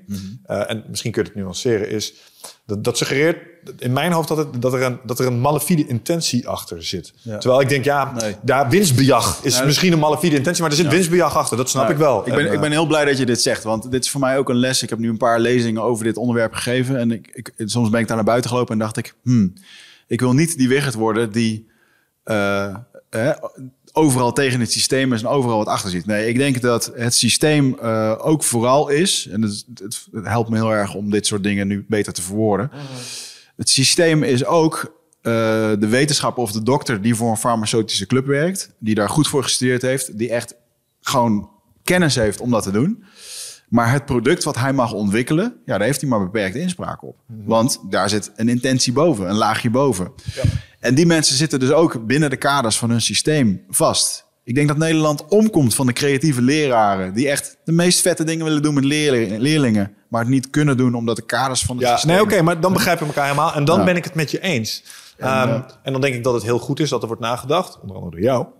Geïnspireerd door, door die natuurwijsheid, hoe Ja. het anders kan. Ja. En, en op een gegeven moment was het zo fucking wazig, jongen, dat ik, dat ik, ik zat er in die jungle en het is in die jungle nooit stil, hè. Dus je hoort op een gegeven moment zo'n vogeltje. Pieudoe. En dat het medicijn me gewoon, doordat die vogel dat geluid maakt, dat geluid, die, die trilling, die gaat door de lucht, die komt bij jouw zintuigen binnen en dat doet iets met jouw brein, alsof er een soort sensortje afgaat. Maar eigenlijk houdt het ook je, je brein eh, actief, schoon, vers. Een soort van alertheid. Dus, als, dus eigenlijk de natuur om je heen. En ik ben dat nog een beetje aan het onderzoeken. En volgens mij is er al heel veel wetenschap over. Dat, dat een van de redenen is dat, dat de natuur zo helend werkt. Omdat het ook een bepaalde werking heeft op je, Nou ja. op je brein, je hartslag, et cetera. Ja, je hebt het nu over audioprikkels, maar kijk naar eh, eh, visuele prikkels. Het is aangetoond dat als je mensen naar groen laat kijken als ze genezen in een ziektebed, dat ze sneller genezen. Hila- Dus, ja. Hi- hilarisch visioen. Dat op een gegeven moment... Dan ging het ook over geur. Toen dacht ik, ja, geur. Want vaak komen die shamanen daar met een of andere bos planten. Die laten ze dan ruiken. En dan denk ik wel eens, ja, doet het nou? En toen, toen ik me dat afvroeg, nadat dat bij mij gebeurde... Toen liet het medicijn, nam me mee terug naar een herinnering van vroeger... waar ik met mijn ouders naar Zuid-Frankrijk ging. En waar je naar zo'n snelweg-wc moest... waar al 500 mensen op een dag waren. Als je Ja. daar stond en je rook, werd je gewoon letterlijk misselijk. Ja, ja, ja. Je lichaam werd er ziek van. Dus het tegenovergestelde is ook zo. Dat als iets goed ruikt of lekker ruikt... Oh, weet je, dat doet wat met je systeem. Hey, als je naar bosbaden kijkt, eh Shinrin-yoku ehm, is een van Shinrin-yoku? de... Shinrin-yoku? Shiminyoku. Eh, is, is een protocol, Japans, basically mindful buiten in het bos wandelen, verhoogt je immuunsysteem. Hmm. Dus om een aantal redenen. Maar een van de redenen is ook, is om, als jij over een bospad wandelt, komen er allemaal deeltjes ook om jou heen in de lucht vrij. Ja. Die inhaleer je. Ja. Daar gaat je immuunsysteem mee aan de slag. Dus je immuunsysteem krijgt een soort van oefening erdoor. Dus geuren, dingen die door je neus naar binnen komen, ja, dat is heel logisch. Dat zijn gewoon moleculen. Eh, en die gaan iets doen. En dat gaat een effect hebben op je. Eh, dit is hoe je verkouden kunt worden. Maar kan dus ook een helende werking Ja, hebben. bizar. Maar, maar die finesse dus van de natuur... over dat de natuur gewoon alles voorziet eigenlijk... zodat jij gewoon eh, ja, jezelf kan helen. En op een gegeven moment was een mooi moment... Ehm, we stonden met z'n allen in een kring, hand in hand... en ze begonnen te zingen. En ehm, ik merkte dat er ging een soort energie ging helemaal zo rond. Maar ik merkte dat die energie was veel te sterk voor mij. En ik was dus op een gegeven moment buiten aan het overgeven. ehm, met ook als mededeling van ja, jij hebt nog steeds gewoon eigenlijk een, een, een bepaald systeem jezelf aangeleerd. Waardoor die energie niet lekker door jou heen kan. Dus dat ga je er eerst nu maar uitkotsen. Dus ik was, ik was buiten aan het overgeven, maar er was niemand om me even bij te staan. Ik had het daar best wel even pittig. En, en eigenlijk heb ik daar echt als een soort... eh, alsof het in, als een kanker in mijn systeem zat. Eh, het, het systeem. Ja, het, het klinkt een beetje raar, maar gewoon alles wat het systeem heeft aangeleerd, bla bla bla, alle, alle denken en doen, om dat gewoon uit te kotsen. Dus ik zat daar buiten op mijn handjes en knietjes in de stromende regen. En ik dacht, ja, ik heb echt even. Het zou fijn zijn als iemand me even bij kon staan. Dus op een gegeven moment staat er in één keer een shamaan bij me. En die staat met zijn veer te wapperen. En die staat tegen me te praten. En eh, nou, die, die helpt mij daar. Staat met zijn tooi, weet je wel. Dus uh, en, ah, relaxed. Dus na twee minuten kotsen kijk ik nog een keer. En sta ik gewoon tegen een boom aan te kijken. Twintig meter verderop zat de dokter op precies dezelfde manier. Die zat ook daar over te geven. En die dacht ook van, ik heb echt hulp nodig. Maar iedereen stond binnen hand in hand. Die waren allemaal bezig, dus niemand kwam. En hij had op een gegeven moment allemaal spelende kindjes om zich heen wandelen. Die naar hem toe kwamen en hem uh, wat drinken gaven. Waardoor hij zichzelf beter ging voelen. Moest hij wat inslikken of zo. Ja, moeder ayahuasca kan dat zo. Ik heb ook veel dingen moeten inslikken. Ik ben ook weer door 200 aliens geopereerd en weet ik het allemaal. dat is fucking mooi. Maar, en toen ik dus in één keer naar die boom keek, toen dacht ik in één keer het besef van ja, fuck. Dus in die wereld van moeder ayahuasca is dat dus ook al. Dus ik vraag om hulp en, en ik word geassisteerd door iets wat niet tastbaar is. En toen begon het heel die avond, kreeg ik een soort mantra door. Um, en door de diëten die ik dan heb gedaan, dus de, de dieet van de papegaai, of de taal van de papegaai en later van de Japanini. Dat, gaat, dat is een vogel, zo grappig, die doet andere vogels na. En uh, Isha, ja, de Isha-vogel, nou, daarom heet Isha ook Isha. Niet omdat die andere napraakt, maar gewoon omdat het een heilige vogel is. Ja, dat is fucking bizar, jongen. Dan drink je gewoon uh, ayahuasca en heb je gewoon in één keer dat beest bij je hangen als een soort bewustzijn wat, wat je dingen vertelt. Pokémon. Ja, ja, een soort Pokémon, maar dan argumented reality, maar dan echt. en um, heel de avond gaf het me een mantra. eh, Kaya Janori. Kaya Janori. En het bleef maar doorgaan. Ik, ik wist niet wat het betekende. En op een gegeven moment uh, zei hij tegen mij van... nou, jij wil jezelf heel op bepaalde momenten... dan moet je een gebed voor kracht doen voor jezelf. He, want dat, dat stuk gebed, waar het ook over ging... Um, daar doen we eigenlijk niet zoveel mee. Maar het is heel bemoedigend om op een bepaalde manier dingen te, te uiten of te vragen. Affirmaties of net hoe dat je het wil noemen. Of dat je ergens om wil vragen. Liet me ook heel mooi zien dat intentie is eigenlijk wat je komt brengen. Dus wat is jouw intentie hier voor deze groep met mensen waar je straks mee werkt? En, en het gebed is eigenlijk wat je graag zou willen ontvangen. Um, en toen, kwam, toen zei het medicijn van ja, ik ga je nu een gebed leren. En dat Kaya Januari vroeg ik dus de volgende dag aan een shaman. Van, ja, ik probeerde me wat te leren, maar ik weet niet wat het betekent. Dus zei ze, dat betekent in onze taal, de visioenen komen eraan. En toen dacht ik echt, dit vind ik echt gewoon bijna creepy, bizar. Dat, dat er dus een medicijn is dat mij nu iets in een andere taal probeert te leren... waarvan zij nog begrijpen, van nog begrijpen wat het is ook. En, en uiteindelijk ging dat, heeft het dus vijf ceremonies geduurd voordat ik dat hele... Mijn, ik durf echt te zeggen, mijn, mijn, eigen eerste echte chant wat via een dieet tot me is gekomen. En ik kan nu drie tot vier uur gitaar spelen, Honey Queen liedjes doen en ik ken de liederen heel erg, de traditionele. Maar dit is echt mijn eigen unieke gebed voor kracht, wat ik, wat ik kan brengen naar de groep. En dat vond ik ook heel mooi in dat stukje gezondheid en, en het stukje zelfhelend vermogen. Dat zo'n medicijn leert mij nu hoe dat ik mezelf een stukje kan helen. En dat vind ik dan mooi dat als ze de ceremonie eh, starten, dat ze dan ook vragen aan het medicijn van breng ons naar het astrale, waar we de wijsheid mogen ontvangen en de, en de heilige liederen kunnen ontvangen die we mee terug kunnen nemen naar de aarde om onszelf te helen. Ja, en dat is eigenlijk wat daar gebeurde. En dan heb je niet alleen Wigert die daar in een paar ceremonies zijn eigen gebed tot zich krijgt. Maar dan heb je ook een Michel die ook zulke diëten doet. En een Piet en een Klaas en dan noem het allemaal maar op. En die doen het allemaal. En dan krijg je dus een hele zelf, zelfhelende community. Ja, dat, dat vond ik zo mooi om dat daar te zien. En, en dan kom je toch weer terug op dat stamleven met veel mensen en de samenhorigheid en al die dingen die erbij horen. Ja. En dan denk je, ja man, ergens, uh, net wat je zegt, in dat isolement waar we hier in leven, missen we ergens zo gruwelijk hard de boot. Nu je wat verder bent met die Icaro's, hè? Hmm. Wat me eraan opvalt is uh, de overlap die het heeft met uh, bepaalde occulte rituelen. Hmm. Dus uh, daar, daar werken ze ook gewoon met gebed. Hè? Het occulte wordt vaak de ma magic met CK. Het is hmm. vaak demonen en tovers. Maar, maar, dat is eigenlijk het is gewoon een geloofssysteem. Ja.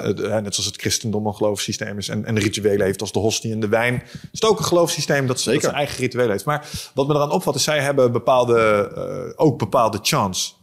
Um, en dan moeten ze dingen, zoals dat dan heet, vibreren. Ja.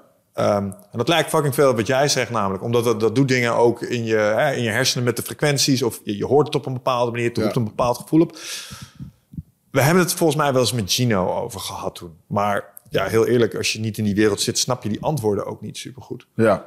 Met wat jij er nu over weet en nu je ze zelf hebt ontvangen. Hoe, hoe denk jij dat het, dat dat, hoe werkt dit? Wat is het mechanisme dat het ja. gebruikt? Ja, dat is een goeie. Nou, in eerste instantie is het zo dat um, um, bijvoorbeeld de Peruaanse... Het gaat allemaal per traditie. En dat vind ik het bijzondere. Want er zit gewoon 30 kilometer verderop zit een andere traditie... die een hele andere dieet heeft of andere dingen. En, um, maar bijvoorbeeld de Peruanen, de Shipipo... die zingen de liederen van de planten. Uh, en die hebben het over moeder ayahuasca. En ik ben er nu dus achter gekomen na vijf jaar... dat de Honey Queen niet praten over moeder ayahuasca. Je kan, kan het wel maderen noemen, maar die hebben het eigenlijk over de jiboya, de slang. En wat zij bijvoorbeeld doen met van die, uh, van die, uh, van die liederen...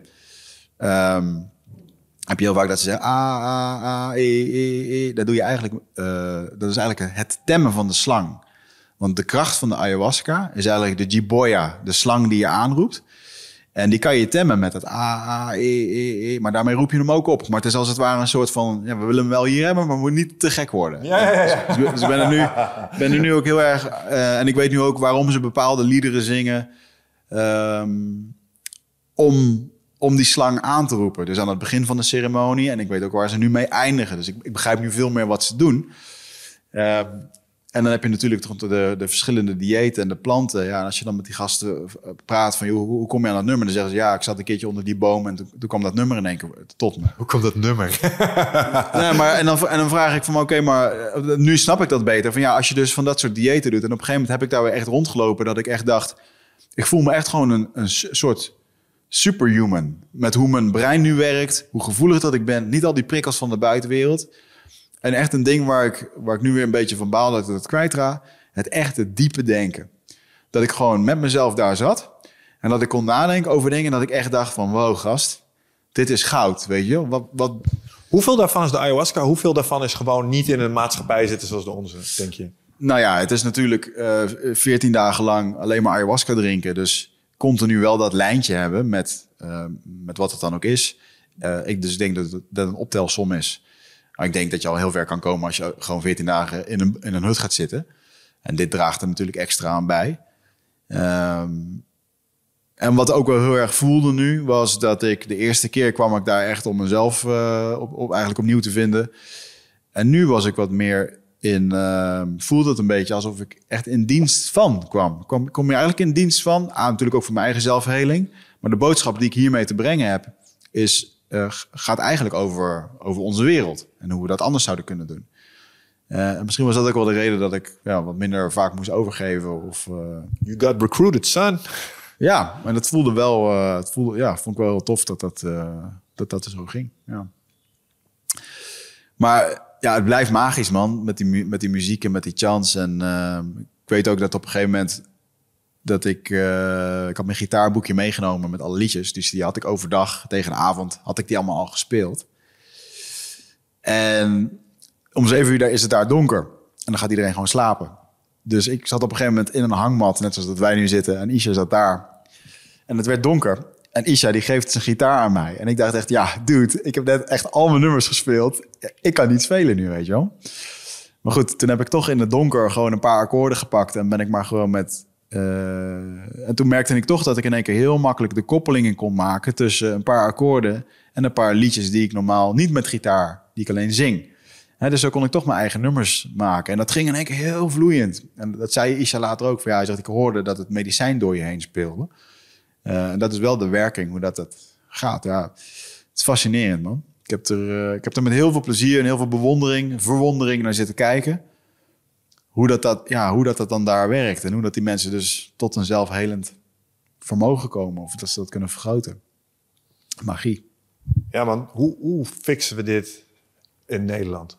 Dus uh, mm. als, je, als, je het, als je het in stukken zou hakken, welke componenten zitten in die ervaring die we zouden kunnen reproduceren hier? Het is natuurlijk niet te vergelijken met naar de jungle gaan, maar stel je zou een beetje daarvan hier willen ervaren in Nederland. Hoe zou je dat aanpakken? Nou ja, inderdaad, dus de, de, de stappen, hè, gewoon intentiegericht bezig zijn. Goed jezelf afvragen uh, waarom jou iets verteld wordt. Waarom jou iets geleerd wordt. En dat vond ik een heel interessant inzicht. Dat alles wat jou verteld wordt, wordt je verteld omdat het een bepaalde functie heeft. De ondertiteling. Ja, ja. Daar hadden we het eerder over, de ondertiteling. Wat is de ondertiteling hier? Ja, precies. En, uh, en wat jou verteld wordt, ja, wie heeft daar dan baat bij? Um, dat is een hele interessante vraag. Nou, bijvoorbeeld als je kijkt naar ons schoolsysteem, weet je wel. Waarom wordt jou dit verteld? En, en gewoon jezelf die vraag afstellen. En is het, is het omdat dit al ooit een keertje bedacht is en niet echt vernieuwd is? Of nou, dan kun je natuurlijk helemaal je eigen ding over, over vormen. Um, nou, dan komt natuurlijk het stukje, uh, stukje vreugde. Doe je wat je leuk vindt. Dat klinkt zo voor de hand liggend, maar ja, jij weet net zo goed als ik en iedere coach in Nederland dat heel veel mensen het gewoon niet weten. Um, ja, grappig genoeg, na die ceremonie zaten we lekker s ochtends uh, te eten.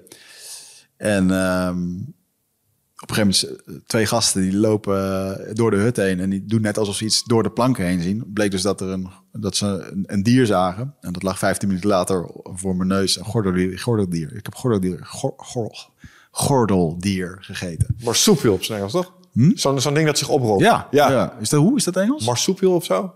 Hm. Ik weet het niet. Nou, maar maakt niet uit. Dus ja. uh, je hebt een... Uh, en hoe smaakt dat? Ja, naar kip. Zoals alles. Ja, naar kip. maar, dat, maar dat zaten we met. Dat was eigenlijk. Dat ding is niet, niet groter dan een klein katje. Um, en um, uh, we zaten daar gewoon met 15 man na die ceremonie. En dan wordt dat met z'n allen gewoon gedeeld. En toen had ik in één keer zo'n heel. Ja, de saamhorigheid, weet je wel. Gewoon. Um, de, nou, hoe erg hebben we bij tijdens het corona gebeuren de lol gemist van lekker samen klooien in de studio en ouwe hoeren en gewoon, ja, het is gewoon belangrijk. En mm. ik denk toch dat dat, uh, eh, zeker ook met online lesgeven en zo, uh, ja, wordt bijna een soort van gepromoot. Dat, dat iedereen straks in die, in die metaverse, wat ik een heel slecht idee vind. Oh, dat gaat niet gebeuren, gast. Maak je maar zorgen. De, de, technologie is niet ver genoeg daarvoor. Nee, okay, maar een beetje dat idee wat je altijd zegt, dat iemand met een bril op zijn kamer uh, daar de hele dag zit te kijken. En dat, ja, um, dus ik, die samenhorigheid is gewoon heel erg belangrijk. En um, dan komt ook het stuk heling. Dus die heling die wij nodig hebben um, uh, om van die trauma's af te komen. En daar liet het me heel mooi reflecteren op het werk van Dr. Gabor Maté. Dat authenticiteit en um, uh, hechting de belangrijkste basisbehoeften zijn van de baby. En dat die heel snel in gevaar komen. Uh, en wanneer die in gevaar komen, dat de hechting het altijd wint van de authenticiteit. Um, hè, dus stel dat ik thuis kom als klein kindje en uh, papa die is net uh, ontslagen. Dan heeft hij waarschijnlijk een slechte zin. Ik wil spelen. En vervolgens zegt papa, nou nu niet, ik heb geen zin in. En, en je denkt als klein kind, oh, nou misschien moet ik voortaan maar niet meer vragen om te spelen. Ik vraag voortaan maar niks meer. Hmm. Dat, is, dat is waar trauma vandaan komt. Heeft helemaal niet per se. Natuurlijk heb je ook nog mishandeling en andere ernstige dingen. Uh, maar de basis is bijvoorbeeld genegeerd worden, niet erkend worden of gewoon, ja, dat zijn, daar ga je, ga je zelf verhalen over maken dus door, door dat soort dingen uh, te helen bij jezelf. Um, dat zou denk ik het allerbelangrijkste zijn. Ik denk ook dat de kern van mijn werk zelfheling is. En um, vervolgens, dat was dus ook de avond uh, met, met gezondheid en met mijn broer en dat soort dingen. En de volgende dag had ik echt een hele vervelende ceremonie. Waarbij ik een gevoel had van, oh, ik wil hieruit en ik wil dit niet. En dat, dat liet me eigenlijk ergens naar kijken waar ik echt helemaal geen trek in had. En dat was dus ook wederom over mijn broer. En, en dat hoofdstuk, ja, durven naar te kijken, weet je wel. Naar die stukken die pijnlijk bij je zijn. En, en ik durf ook al te zeggen dat afgelopen jaar dat het makkelijk is geweest om mezelf een beetje te bedolven in, uh, in het boek en in alle dingen die er lopen. Terwijl er eigenlijk gewoon ook wel wat emotionele aandacht mag gaan naar, naar dat stuk. Uh, of in het opzoeken ervan, of in de relatie ervan verbeteren. En in plaats van je kop in het zand steken. Uh, dus, dus dat vond ik ook wel weer mooi. Dat ze me daarmee uh, ja, toch gewoon aangaan wat het dwars zit. En, en uiteindelijk zit daar natuurlijk ook de hele. De, ja, de persoonlijk leiderschapsfactor. Is dat jij heel helder voor jezelf mag gaan weten wat je, wat je wilt. En dat je dat op een, op een bewuste manier gaat doen. Ehm, eh, dus nou, met het gedachtegoed dat alles tot iets beters leidt. Dat vind ik wel een hele mooie. En dat komt uit een ceremonie waarbij mijn moeder borstkanker uh, uh, had gekregen. Die belde mij op voor ik borstkanker. Uh, moet, ja, ik weet nog niet wat er gaat gebeuren. Toen ben ik ook die donderdag een type ingegaan om mezelf af te vragen van wat moet ik hiermee? En toen liet het medicijn me gewoon heel erg contempleren op de zin alles leidt tot iets beters.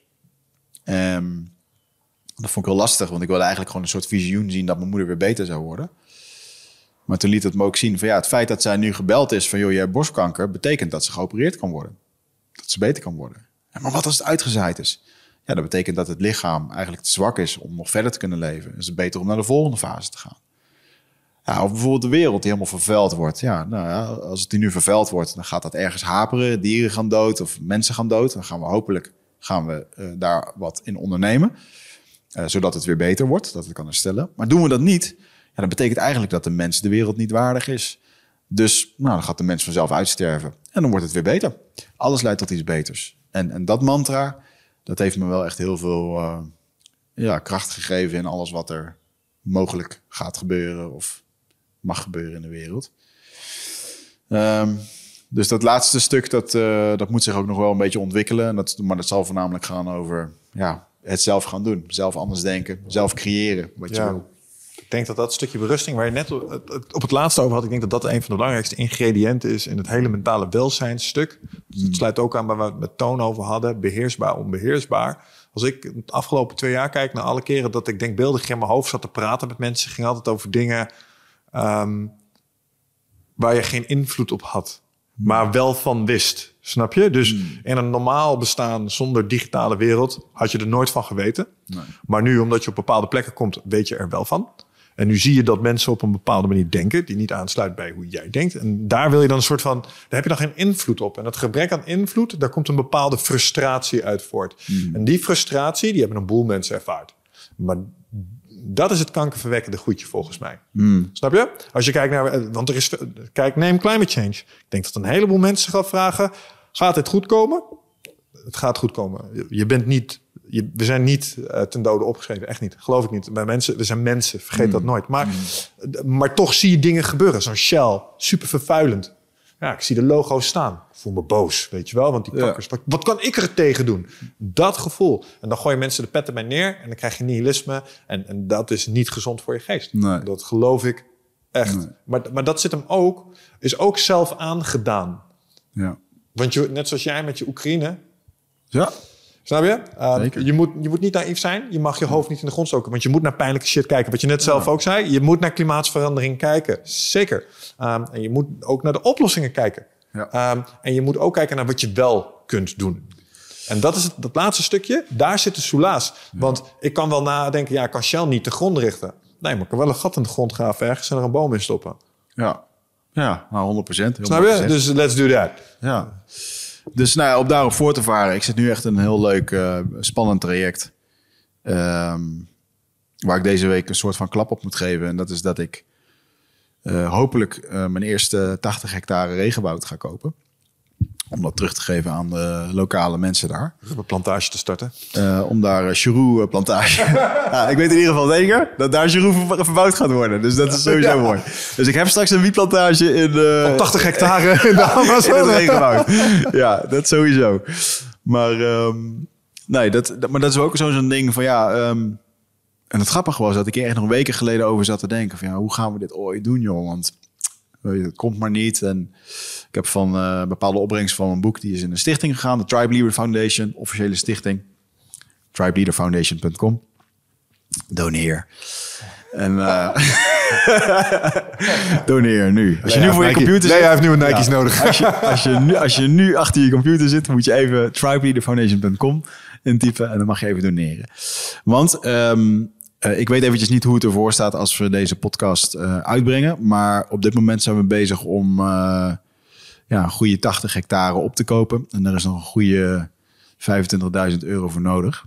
Ehm, en die wordt al links en rechts via privécontacten wordt dat nu eh, eh, opgehaald. Nou, als je dan bijvoorbeeld een ding... Ik heb nu een hele hoop mensen gebeld vanuit het netwerk... wat we opgebouwd, opgebouwd hebben met eindbazen.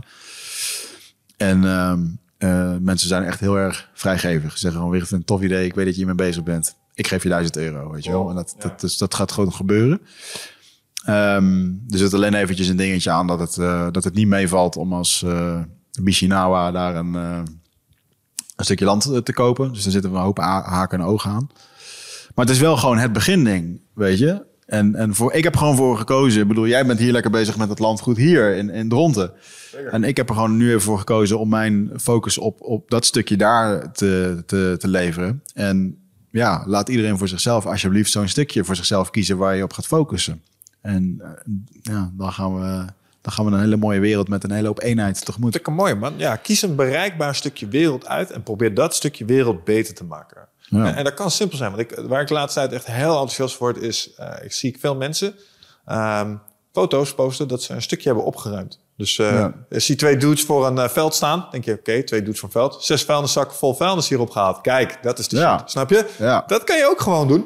Zo simpel is het. Zo simpel is het inderdaad. En ja, ik denk dat daar, als je andere mensen er blij mee kan maken. En ehm, ehm, voor mij voelt het ook heel goed om een, eh, ja, gewoon een deel van mijn boek. Wauw, wat we samen daar hebben gecreëerd. Dat gaat nu gewoon terug daarin gevloeid worden. En, eh, en is het niet dit project, dan is het volgende. Maar ik, ik heb wel goede hoop dat dit project. eh, Ja. Had je ook niet al een keer zonnepanelen daar naartoe gebracht? Ook, ja. Ja, toch? Ja, Ja. dat zou je bijna vergeten. Maar dat is ook al...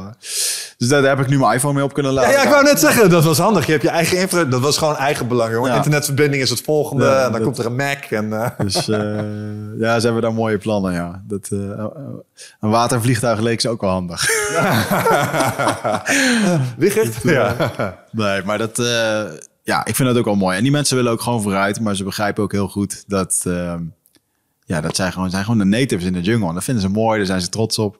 Dus ik heb er echt eh, genoten. Het was een hele mooie leerschool in shamanisme. Eh, maar ook een warm welkom om daar gewoon te zijn. En ik, ik heb ook wel het gevoel dat ik nu ooit wel eens een keertje terug zou gaan. Dat ik gewoon kan zeggen, "Wel, weet je, fuck it. Ik ga gewoon een week lang reizen. Ik ga daar gewoon een weekje, even een paar dagen zitten. eh, even de jongens zien eh, en weer terug. Dat zou nu oké voor mij voelen om dat zo te doen. Eh, ja, dus het was heel elke keer waardevol. een beproeving te zijn. Dus, het, Nee, zeker niet. Nee, helemaal niet. Nee, nee. En, en shout-out naar de dokter, waarmee ik echt goede gesprekken heb gehad over, over mijn inzichten. en vervolgens zijn ervaringen in ziekenhuizen of in dingen. En, eh, en waar die, of waar die bijvoorbeeld tijdens de opleiding tegenaan liep. Hier was je, denk ik, dat was ook wel interessant, hè? Want de laatste keer dat je naar die jungle ging, was echt voor jou. Zei al, toen kwam je ook mensen tegen die eigenlijk toevallig zijn om op je pad zomaar tegen te komen. Dit is ook al wel weer opmerkelijk, dat je Ja, een perfect. Portugees Nee, sprekende meneer tegenkomt. Gaat nergens over. Maar ja. omgekeerd voor hem ook natuurlijk, hè? Want hij loopt tegen jouw fucking boek aan in de biep. Ja. En ineens eh, komt hij jou tegen in die fucking taxi. Waardoor hij ook wel van die lotsbestemmingsgevoelens zal hebben gehad. Van, hey, Ja, wordt gewoon Wigert Meerman even op mijn pad gezet hier. ja, maar daar zijn we alle twee wel over eens dat, dat de Yushibu dat zo heeft geregeld. Ja, ja, nee, maar Eh, dat, ja, en dat soort Kijk, dat zijn de dingen waardoor ik altijd...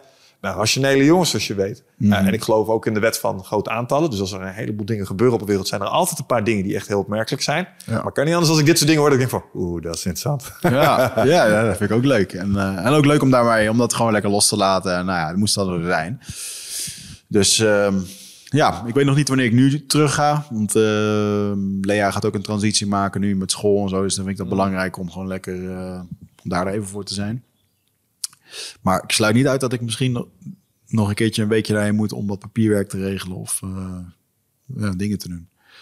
Dat kan allemaal weer, dus uh, man? Tribeleaderfoundation.com Zullen we maar gewoon een link in de comments opnemen Ja, straks? dat mag een goed idee. Mag ook, ja. Doneren jongens, koop met mij. We gaan samen gewoon het regenwoud kopen. We gaan het teruggeven aan de mensen die, er, die, er, die ervoor kunnen zorgen en die er de meeste baat bij hebben.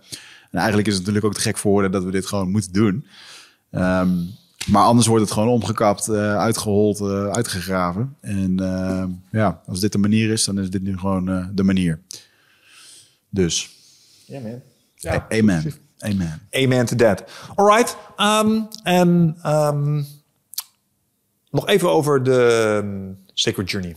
Want uh, je bent natuurlijk uh, dingen aan het organiseren in Nederland. De, Sacred Journey? Uh, sorry, de, je rituals. De? Tri Tribe of Leaders. Tribe Leaders. Jij hebt je journey, je, je, ja, je, ik heb, nou, je ja, retreat. Ik, ja, ik heb een Sorry, de ja, naam ontschiet mij even. Je bent alles zo aan nee, Oké, ik heb een online community. Dat is de Tribe of Unity. Voor een tientje per maand heb je daar gewoon toegang tot allerlei leuke exclusieve content. En, en coaching door mij. En uh, één keer per maand kun je gewoon lekker online komen en dat soort dingen. Masterclasses. Michel gaat binnenkort ook een masterclass geven daar. Dus Waarin? dat is leuk. Ja, weet ik niet. Vertel maar. Zal er zelf nadenken. een van je 42 modules. Um, uh, ik heb Rite of Passage, de retreats. Dat gaat echt hartstikke goed. We doen er nu vier tot vijf per jaar. Ja, en dat is die ik bedoel. Ja, Oké. Okay. Ja. Sorry. Ja, wat is daarmee? Wat wil je nou, volgens mij heb je er net weer één achter de kiezer. Ja, twee. En komen er nog een aantal aan. Ja. Nou, er komt er eentje in september aan. Er zijn nog tien plekken voor. Dus die kan je... je er was een extra editie. Dus normaal zijn we... De laatste keer waren we vijf maanden van tevoren uitverkocht. Wat doen jullie nou uh, in... Wat we daar doen? Ja, ja dat, dat is dus geheim. Mogen we niet vertellen. Zoals nou. de korps... Uh, is eigenlijk als de selectiedagen van KST. Ja, dan was ook geheim. Mochten we ook, nou, ook niet over ja, nou, het, het, het, programma, ehm, de belofte is dat het oncomfortabel gaat worden. Um, hè, dus dat je uit je hoofd wil komen in je lichaam en je wil terug bij je gevoel komen. Je wil wat antwoorden krijgen. Um, dan, um, dan is dit het retreat. Het gaat oncomfortabel worden, maar kan je garanderen als je maandag bij de, bij de automaat staat, bij de koffieautomaat, dan krijg je niet uitgelegd wat er dat weekend is gebeurd. En het gaat eigenlijk allemaal over uh, kijk, voelen doe je met je lichaam. En als we heel erg in ons hoofd zitten, dan kom je daar dus niet bij. Dus door heel veel bio-energetische oefeningen, dynamische meditaties, dus niet suf op een kussen zitten en zo, maar gewoon bewegen met het lichaam. Um, kom je gewoon in een andere staat van zijn, pel je eigenlijk die, die laagjes af, wat je ook met een ayahuasca-ceremonie doet. Alleen, ja, dat mag niet in Nederland. Uh, dus het enige wat er, en een stukje persoonlijk leiderschap erbij. En het enige wat um, bekend is, is dat er een zweethut bij is. Hmm. En die zweethut, die, ja, die is gewoon extra bijzonder, omdat je al dat voorwerk al gedaan hebt. En um, ja, weet je, het krijgt gewoon, je moet het vooral niet van mij aannemen, maar het neemt ook, het krijgt ook gemiddeld gewoon een 9,2, 9,0, 8,9 gemiddelde iedere keer. Uh, door de deelnemers die eruit komen. Uh, en dat vind ik echt waanzinnig. Anders kon het ook niet zo groeien als het het nu doet. Nu zijn er mensen die sturen hun werknemers erheen, hun paarden er naartoe. Uh, allemaal met de wetenschap van ja, ik ga niet vertellen wat er is gebeurd, maar ik ga je vertellen, het is fucking goud. Kikken. En uh, dus dat, dat is wel echt mijn, um, ja, eh, als ik er daar vijf per jaar van doe, dan, eh, dan is het goed voor mij. Dan, Ja, man. eh, Mooi. dan is dat tof om te doen. Leuk, tof ook om te zien hoe je dat zo uit de grond hebt getrokken. Als gevolg van ja, avonturen in de jungle natuurlijk. Er zit veel van die wijsheid in. Nou, zeker. En ook, sterker nog, een stuk shamanisme zit daar ook in. Dus ehm, ja, er zijn heel veel mensen die daar eh, hele bijzondere ervaringen hebben. eh, zonder het genot van de psychedelische middelen. Er kan bijvoorbeeld laatst iemand die eh, ja, letterlijk, of letterlijk, ehm, die daar het gevoel had gehad dat ze haar overleden biologische moeder had, had ontmoet. Eh, en dat kan of in de zweethut zijn of in de sessies die we daarna doen en zo. Maar er wordt wel, ik noem de, de derde dag noem ik altijd de toverdag.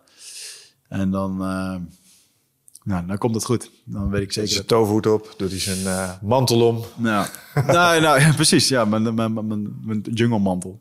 Maar de, ehm, ja, en daar komen dan dus ook... eh, nou, ik ga er gewoon niet te veel over vertellen. Nee, maar het klinkt transformatief, man. Dus, Ja. eh, en klinkt ook ik. eh, En ik heb natuurlijk ook mensen erop zien reageren. En ik denk altijd, ja, ja, het is echt. Het is in ieder geval 100% Wiggert, laat maar zo Ja, zeggen dan. ja, zeker weten. Ja. Dat kan ook niet anders. Ja, en er wordt ook veel gelachen. Hè? Dus lekker een beetje een kampvuurtje maken en dingen doen. En, Ja, top. Ja. Hey, nog één dingetje waar ik nog eventjes over met je wil hebben. Want eh, ik, vind dat je er, ik vind je er sterk uitzien. Wat ben je de laatste tijd aan het doen?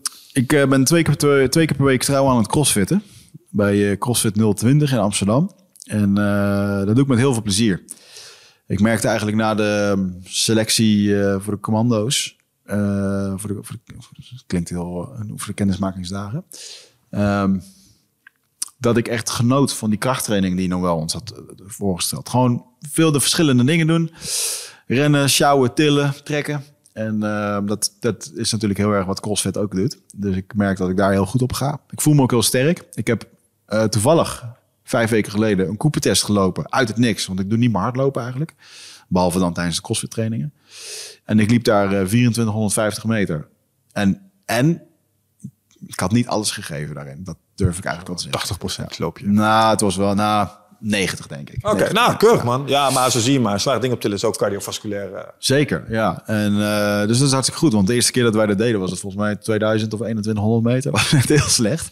Niet wat het zijn moest in ieder geval. En, eh, en ik heb nu ook ontzettend veel de drang om lekker Braziliaanse jiu te willen gaan doen. En weer dat weer op te pakken. Gewoon weer, ik wil, meze- wil mezelf weer... Ik voel me nu sterk. Nu wil ik mezelf nog echt gevaarlijk voelen, weet je wel. Dat, Gevaarlijk Ken je dat gevoel? Ja, ja, ja. Nee, luister. dat je gewoon je helemaal. fucking sharp bent. Dat je denkt, yeah zeker. baby. Nou, ik, ik moet zeggen, ik ben, eh, we hadden het straks even over. Ik ben, ik ben nu weer aan het sparren. Mm. En dat gevoel begint nu weer een klein, een klein beetje terug te komen. Want met, met vechtsporters, je weet dat je het kan. Mm. Je kan schaduwboksen. Maar pas als je weer even tegenover iemand staat, Ja. dan heb je in de gaten, oh ja, zo voelde dat. Ja. Eh, en, en het is... Ja, ik weet niet of, of, of wie naar luistert af, maar het was leuk om je een paar keer naar achter te zien gaan, zeg maar. Als je ziet dat je iemand van 100 kilo ook nog eens achteruit kan laten gaan, Ja. omdat je toch nog wel wat dingen in huis hebt, Ja. ja, voel je wel fijn over. Ja, dus ik snap wat je bedoelt. Ja. Ver- Verleer je het? Verleer je het ooit? Eh, wat, wat ik vergeten was, was hoe intens het grondvechten voelde. Hmm. Eh, in de zin van, ehm, eh, je, je, je rolt natuurlijk wel eens zo tussendoor wat spelende wijs, een beetje stoeien met je vriendin of zo. Maar dat is nooit echt volaan. En als een volwassen man echt zijn best doet om bijvoorbeeld je arm een bepaalde kant op te krijgen, dat is, daar zit een bepaalde intensiteit in. En dat was wel weer eventjes, eventjes wennen. En wat, ik, wat me daar met name in opviel is dat ehm ervaren vechters doseren dat veel beter. Ja. Dus eh, Ja, dat- ja, Ik, ik was weer even veel te veel aan het geven voor eigenlijk onzinnige posities. Dat ik dacht, ben ik hier aan het doen? Eh, nee, Mm. ontspan, eh, ga erin. En dat, heeft weer even, dat had weer even drie, vier keer nodig. Oh, voor- en dan was het iets minder spannend. Want ik zei al, het is een grote dude waar ik mee spar, zeg maar. Maar hij is ook wel intimiderend als hij zijn best doet. En, en, en naarmate je daar weer aan went, word je wat rustiger, krijg je overzicht terug. En dan ga je ook weer ja, andere, andere dingen doen. Ja, Dus, eh, het ja. blijft, blijft een interessant spectrum. Want ik kan, ik kan nu dus naar de gym gaan en dan kan ik wel de avond ervoor kan ik me wel even druk maken over hoe ik de volgende dag daar zal presteren tussen de nieuwe blauwe paarse banders en een soort van, eh, ah, fuck, kan ik daar nog wel mee meekomen, weet je wel? ja, ja. Het is grappig hoe dat het in je mind gaat. Nou, eh. ik denk dat het antwoord nee is. Want ik denk dat als ik me nu zelf eh, op de mat zou parkeren, bijvoorbeeld bij Tatsujin, uh, tussen eh, alle fanatieke opkomende wedstrijdvechters, dat ze hem ook helemaal uit elkaar trekken. Dus Ja, nou ja, dat heb ik ook ervaren. geen daar. illusies. Jongens die vroeger 16 waren, die dachten, ah, jochie, weet je wel, die zijn nu gewoon profvechter. En die, die zitten mij nu gewoon op te vouwen. En dan zeggen ze, leuk dat je er weer was. Dan, dan begrijp ik dat jij het leuk vond, ja, ja. Dat, dat was heel goed voor jouw ego, ja. Dat begrijp ik, ja. Dat je was, moet vaker komen, ja. Waarom dan? Ja. Dus dat, maar dat, eh, ja. Eh, en wat heel erg goed voor mij werkt is, ehm, eh, gelukkig heb ik daar dan nu wat de, de middelen voor. Ehm, de CrossFit-les die we doen, dat is gewoon een klein privégroepje. En dus ik, eigenlijk betaal ik voor een soort privéles. Daarom kom ik ook echt. Behalve nu dan, want ik heb nu een podcastopname. Maar anders had ik er nu gestaan. Goed zo.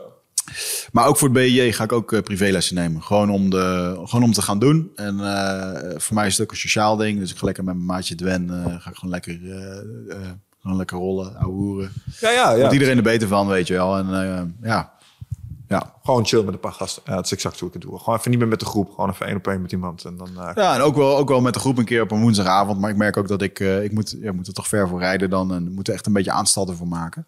Want ik ben dus een beetje klaar met het eh, trainen bij gyms. Waar ik eigenlijk niet zoveel persoonlijke band heb met iedereen. Ehm, ik wil nu gewoon eigenlijk met mijn vrienden van vroeger rollen. En, en, en dat was gewoon niet meer bij de gyms waar ik, waar ik was. Daar was ik gewoon een van de tien. Of een van de twintig. En ja, soms voelde ik me daar ook wel een beetje aangeschoten wild, weet je wel. Dan was ik maar alleen maar eh, hard aan het rollen en eh, veel blessures en dingen. Dat wilde ik eigenlijk niet meer. ja, maar, ja, nou precies. Je bent de new guy. Dus iedereen wil ook even weten waar ze staan tegen je. Dus ze Ja. gaan even extra hun best doen. Ja, zeker, ja. Ja. en dat, zijn de, de- dat is wel, dat merk ik dan wel weer met, met het vechtsporten en het sparren. Zeker als je semi-full contact, eh, ja, snel blauw schenen, kickboksen sowieso, scheen op scheen. Loop, loop je weer twee dagen kreupel. Mm. Ja, weet je dat wel. is- daar, word, je ouder in, weet je wel. Ja, dat merk ik ook. Als iemand nu even neon belly doet, met die knieën in je ribbenkast. En, eh, en anderzijds vind ik het ook wel heerlijk. Ik heb nog wel echt een momentje gehad dat ik daar naar binnen liep. En dat ik echt eh, kwam, kwam te laat. Ja, zwarte, banden mogen te laat komen, toch? Zwarte band is Zullen eens aan Toon Gerland vragen wat hij ervan vond? Dan moet hij op die, moet hij op die noem wel doen. ja. En ehm, dat, ik, dat ik daar aankom. Maar dan voel je gewoon twintig van die ogen van... Hey, er waren twintig, twintig witte banders. Echt alleen maar witte banders. En de jongen die les gaf. En ehm, dat je twintig van die ogen van... Hmm, hmm, oh, daar gaan we, Ja, ons- Fresh gaan meat. gaan we vanavond eens even tegen testen. Nou, die zijn allemaal met... twi- Er zijn twintig man met een illusie naar buiten gegaan. Mooi, ja. de droomarmer en de illusierijker. Wat zeg je? Het zat er nog wel een beetje in. Ja, ja, zeker wel. Ja, ja, dan wel. Ja. Dus Alright man. Hey, zullen wij eens even wat gaan eten? wij gaan eten. Ik wij heb eten. wel honger. Ja. Ja. ja, tof je sowieso weer even te spreken, man. En laten we sowieso even ongeacht eh, afspreken dat ongeacht eh, hoe het nu verder gaat met jou in je toekomst bij Eindbazen, of je nou wel of niet terugkomt, laat Mhm. me nog een keer herhalen waar iedereen bij is. Ik hoop dat je niet terugkomt, want dat betekent dat je in je internationale shit gewoon helemaal de man bent geworden. Mhm. Maar als dat het geval is, dan verwacht ik wel dat we dit zo af en toe nog eventjes blijven doen met elkaar. Dus dat is voor de luisteraars misschien de worst case scenario. Voor Wigert het best case scenario. Maar mocht het nou zo zijn dat het internationale ding voor het schijnend in zich hebben, denk ik van, weet je wat, Nederland, prachtig land. Kom maar mooi terug hoor. Nou ja, ja, maar, ja, goed. Maar kijk, de, het idee wat ik nu meer zou hebben... is dat ik eh, de wat, wat, wat relaxer zou voelen... in eh, even een, een opnameweek plannen... en dan eh, tien gasten, een soort seizoen, weet je wel? Ehm, en dat dan gewoon... Krijg ik dan een trailer? Hm? Krijg ik dan ook zo'n zo'n trailer? Een trailer? Ja, dat hebben die filmsterren gehad op set. Hebben ze een eigen trailer. Oh, zo, op die manier. Ja. Ja, nou, nou, nou, ja maar goed. Dan, dan is er de vraag van als we dat gaan doen... Gaan Kunnen we het beter hier doen, denk ik. Hè? dan, dan, is, ja, dan is er een spectrum van... kom je dan nog naar de koude studio? Want het is nog steeds de studio. We hebben hier natuurlijk hier eh, een mooie plek. Kunnen gasten hier wel laten overnachten? Ja, maar dat hoeft niet voor de podcast, toch? Nou, soms wel. Weet ik niet. Geen idee. Ik weet niet wat voor podcast je al opname. Ja, ja, nou, ja, nee, dan maken we er een event van. Dan komen er ook mensen mee. Dan komen ze kijken. Dan kunnen ze ook blijven slapen. Dat zou, dat zou wel een volgende stap kunnen zijn. Ja. Ja, een soort, de eindbaas tiendaagse. Nou ja, maar, nou, maar als, je, know, als je man. het hebt over lol maken en content, ik bedoel dat soort ideeën, of dat je hier binnenkort met een paar eindbazen fans gaat zitten met een gast, is toch superleuk. Ik Ja, bedoel, eh, dat is dat is veel, eh, veel waard. Dus, eh, Zeker. Alright man, maar lang, lang verhaal kort. Wat ik eigenlijk probeerde te zeggen is dat eh, sowieso tof dat je weer even kwam om te vertellen over de jungle. Blijf dat ook gewoon doen, ongeacht wat je gaat doen. Maar voel je je natuurlijk altijd welkom als je denkt, eh, Zeker man. toch weer hier eens een keertje zelf een opnametje doen. En ik hoop dat, eh, want ik, eh, we verklappen nog even niet wie het is, maar ik ga er stiekem wel vanuit dat je hem gaat opnemen. Eh, en zo af en toe zal weer het nog wel eens even een eigen podcastje releasen. En, nou ja, Misschien wel. Ja. Dus ik ben nog niet weg. Jullie zijn nog niet van me af. Helaas jongens. In ieder geval weer bedankt voor het luisteren en tot de volgende keer. Ciao. Tribeleaderfoundation.com.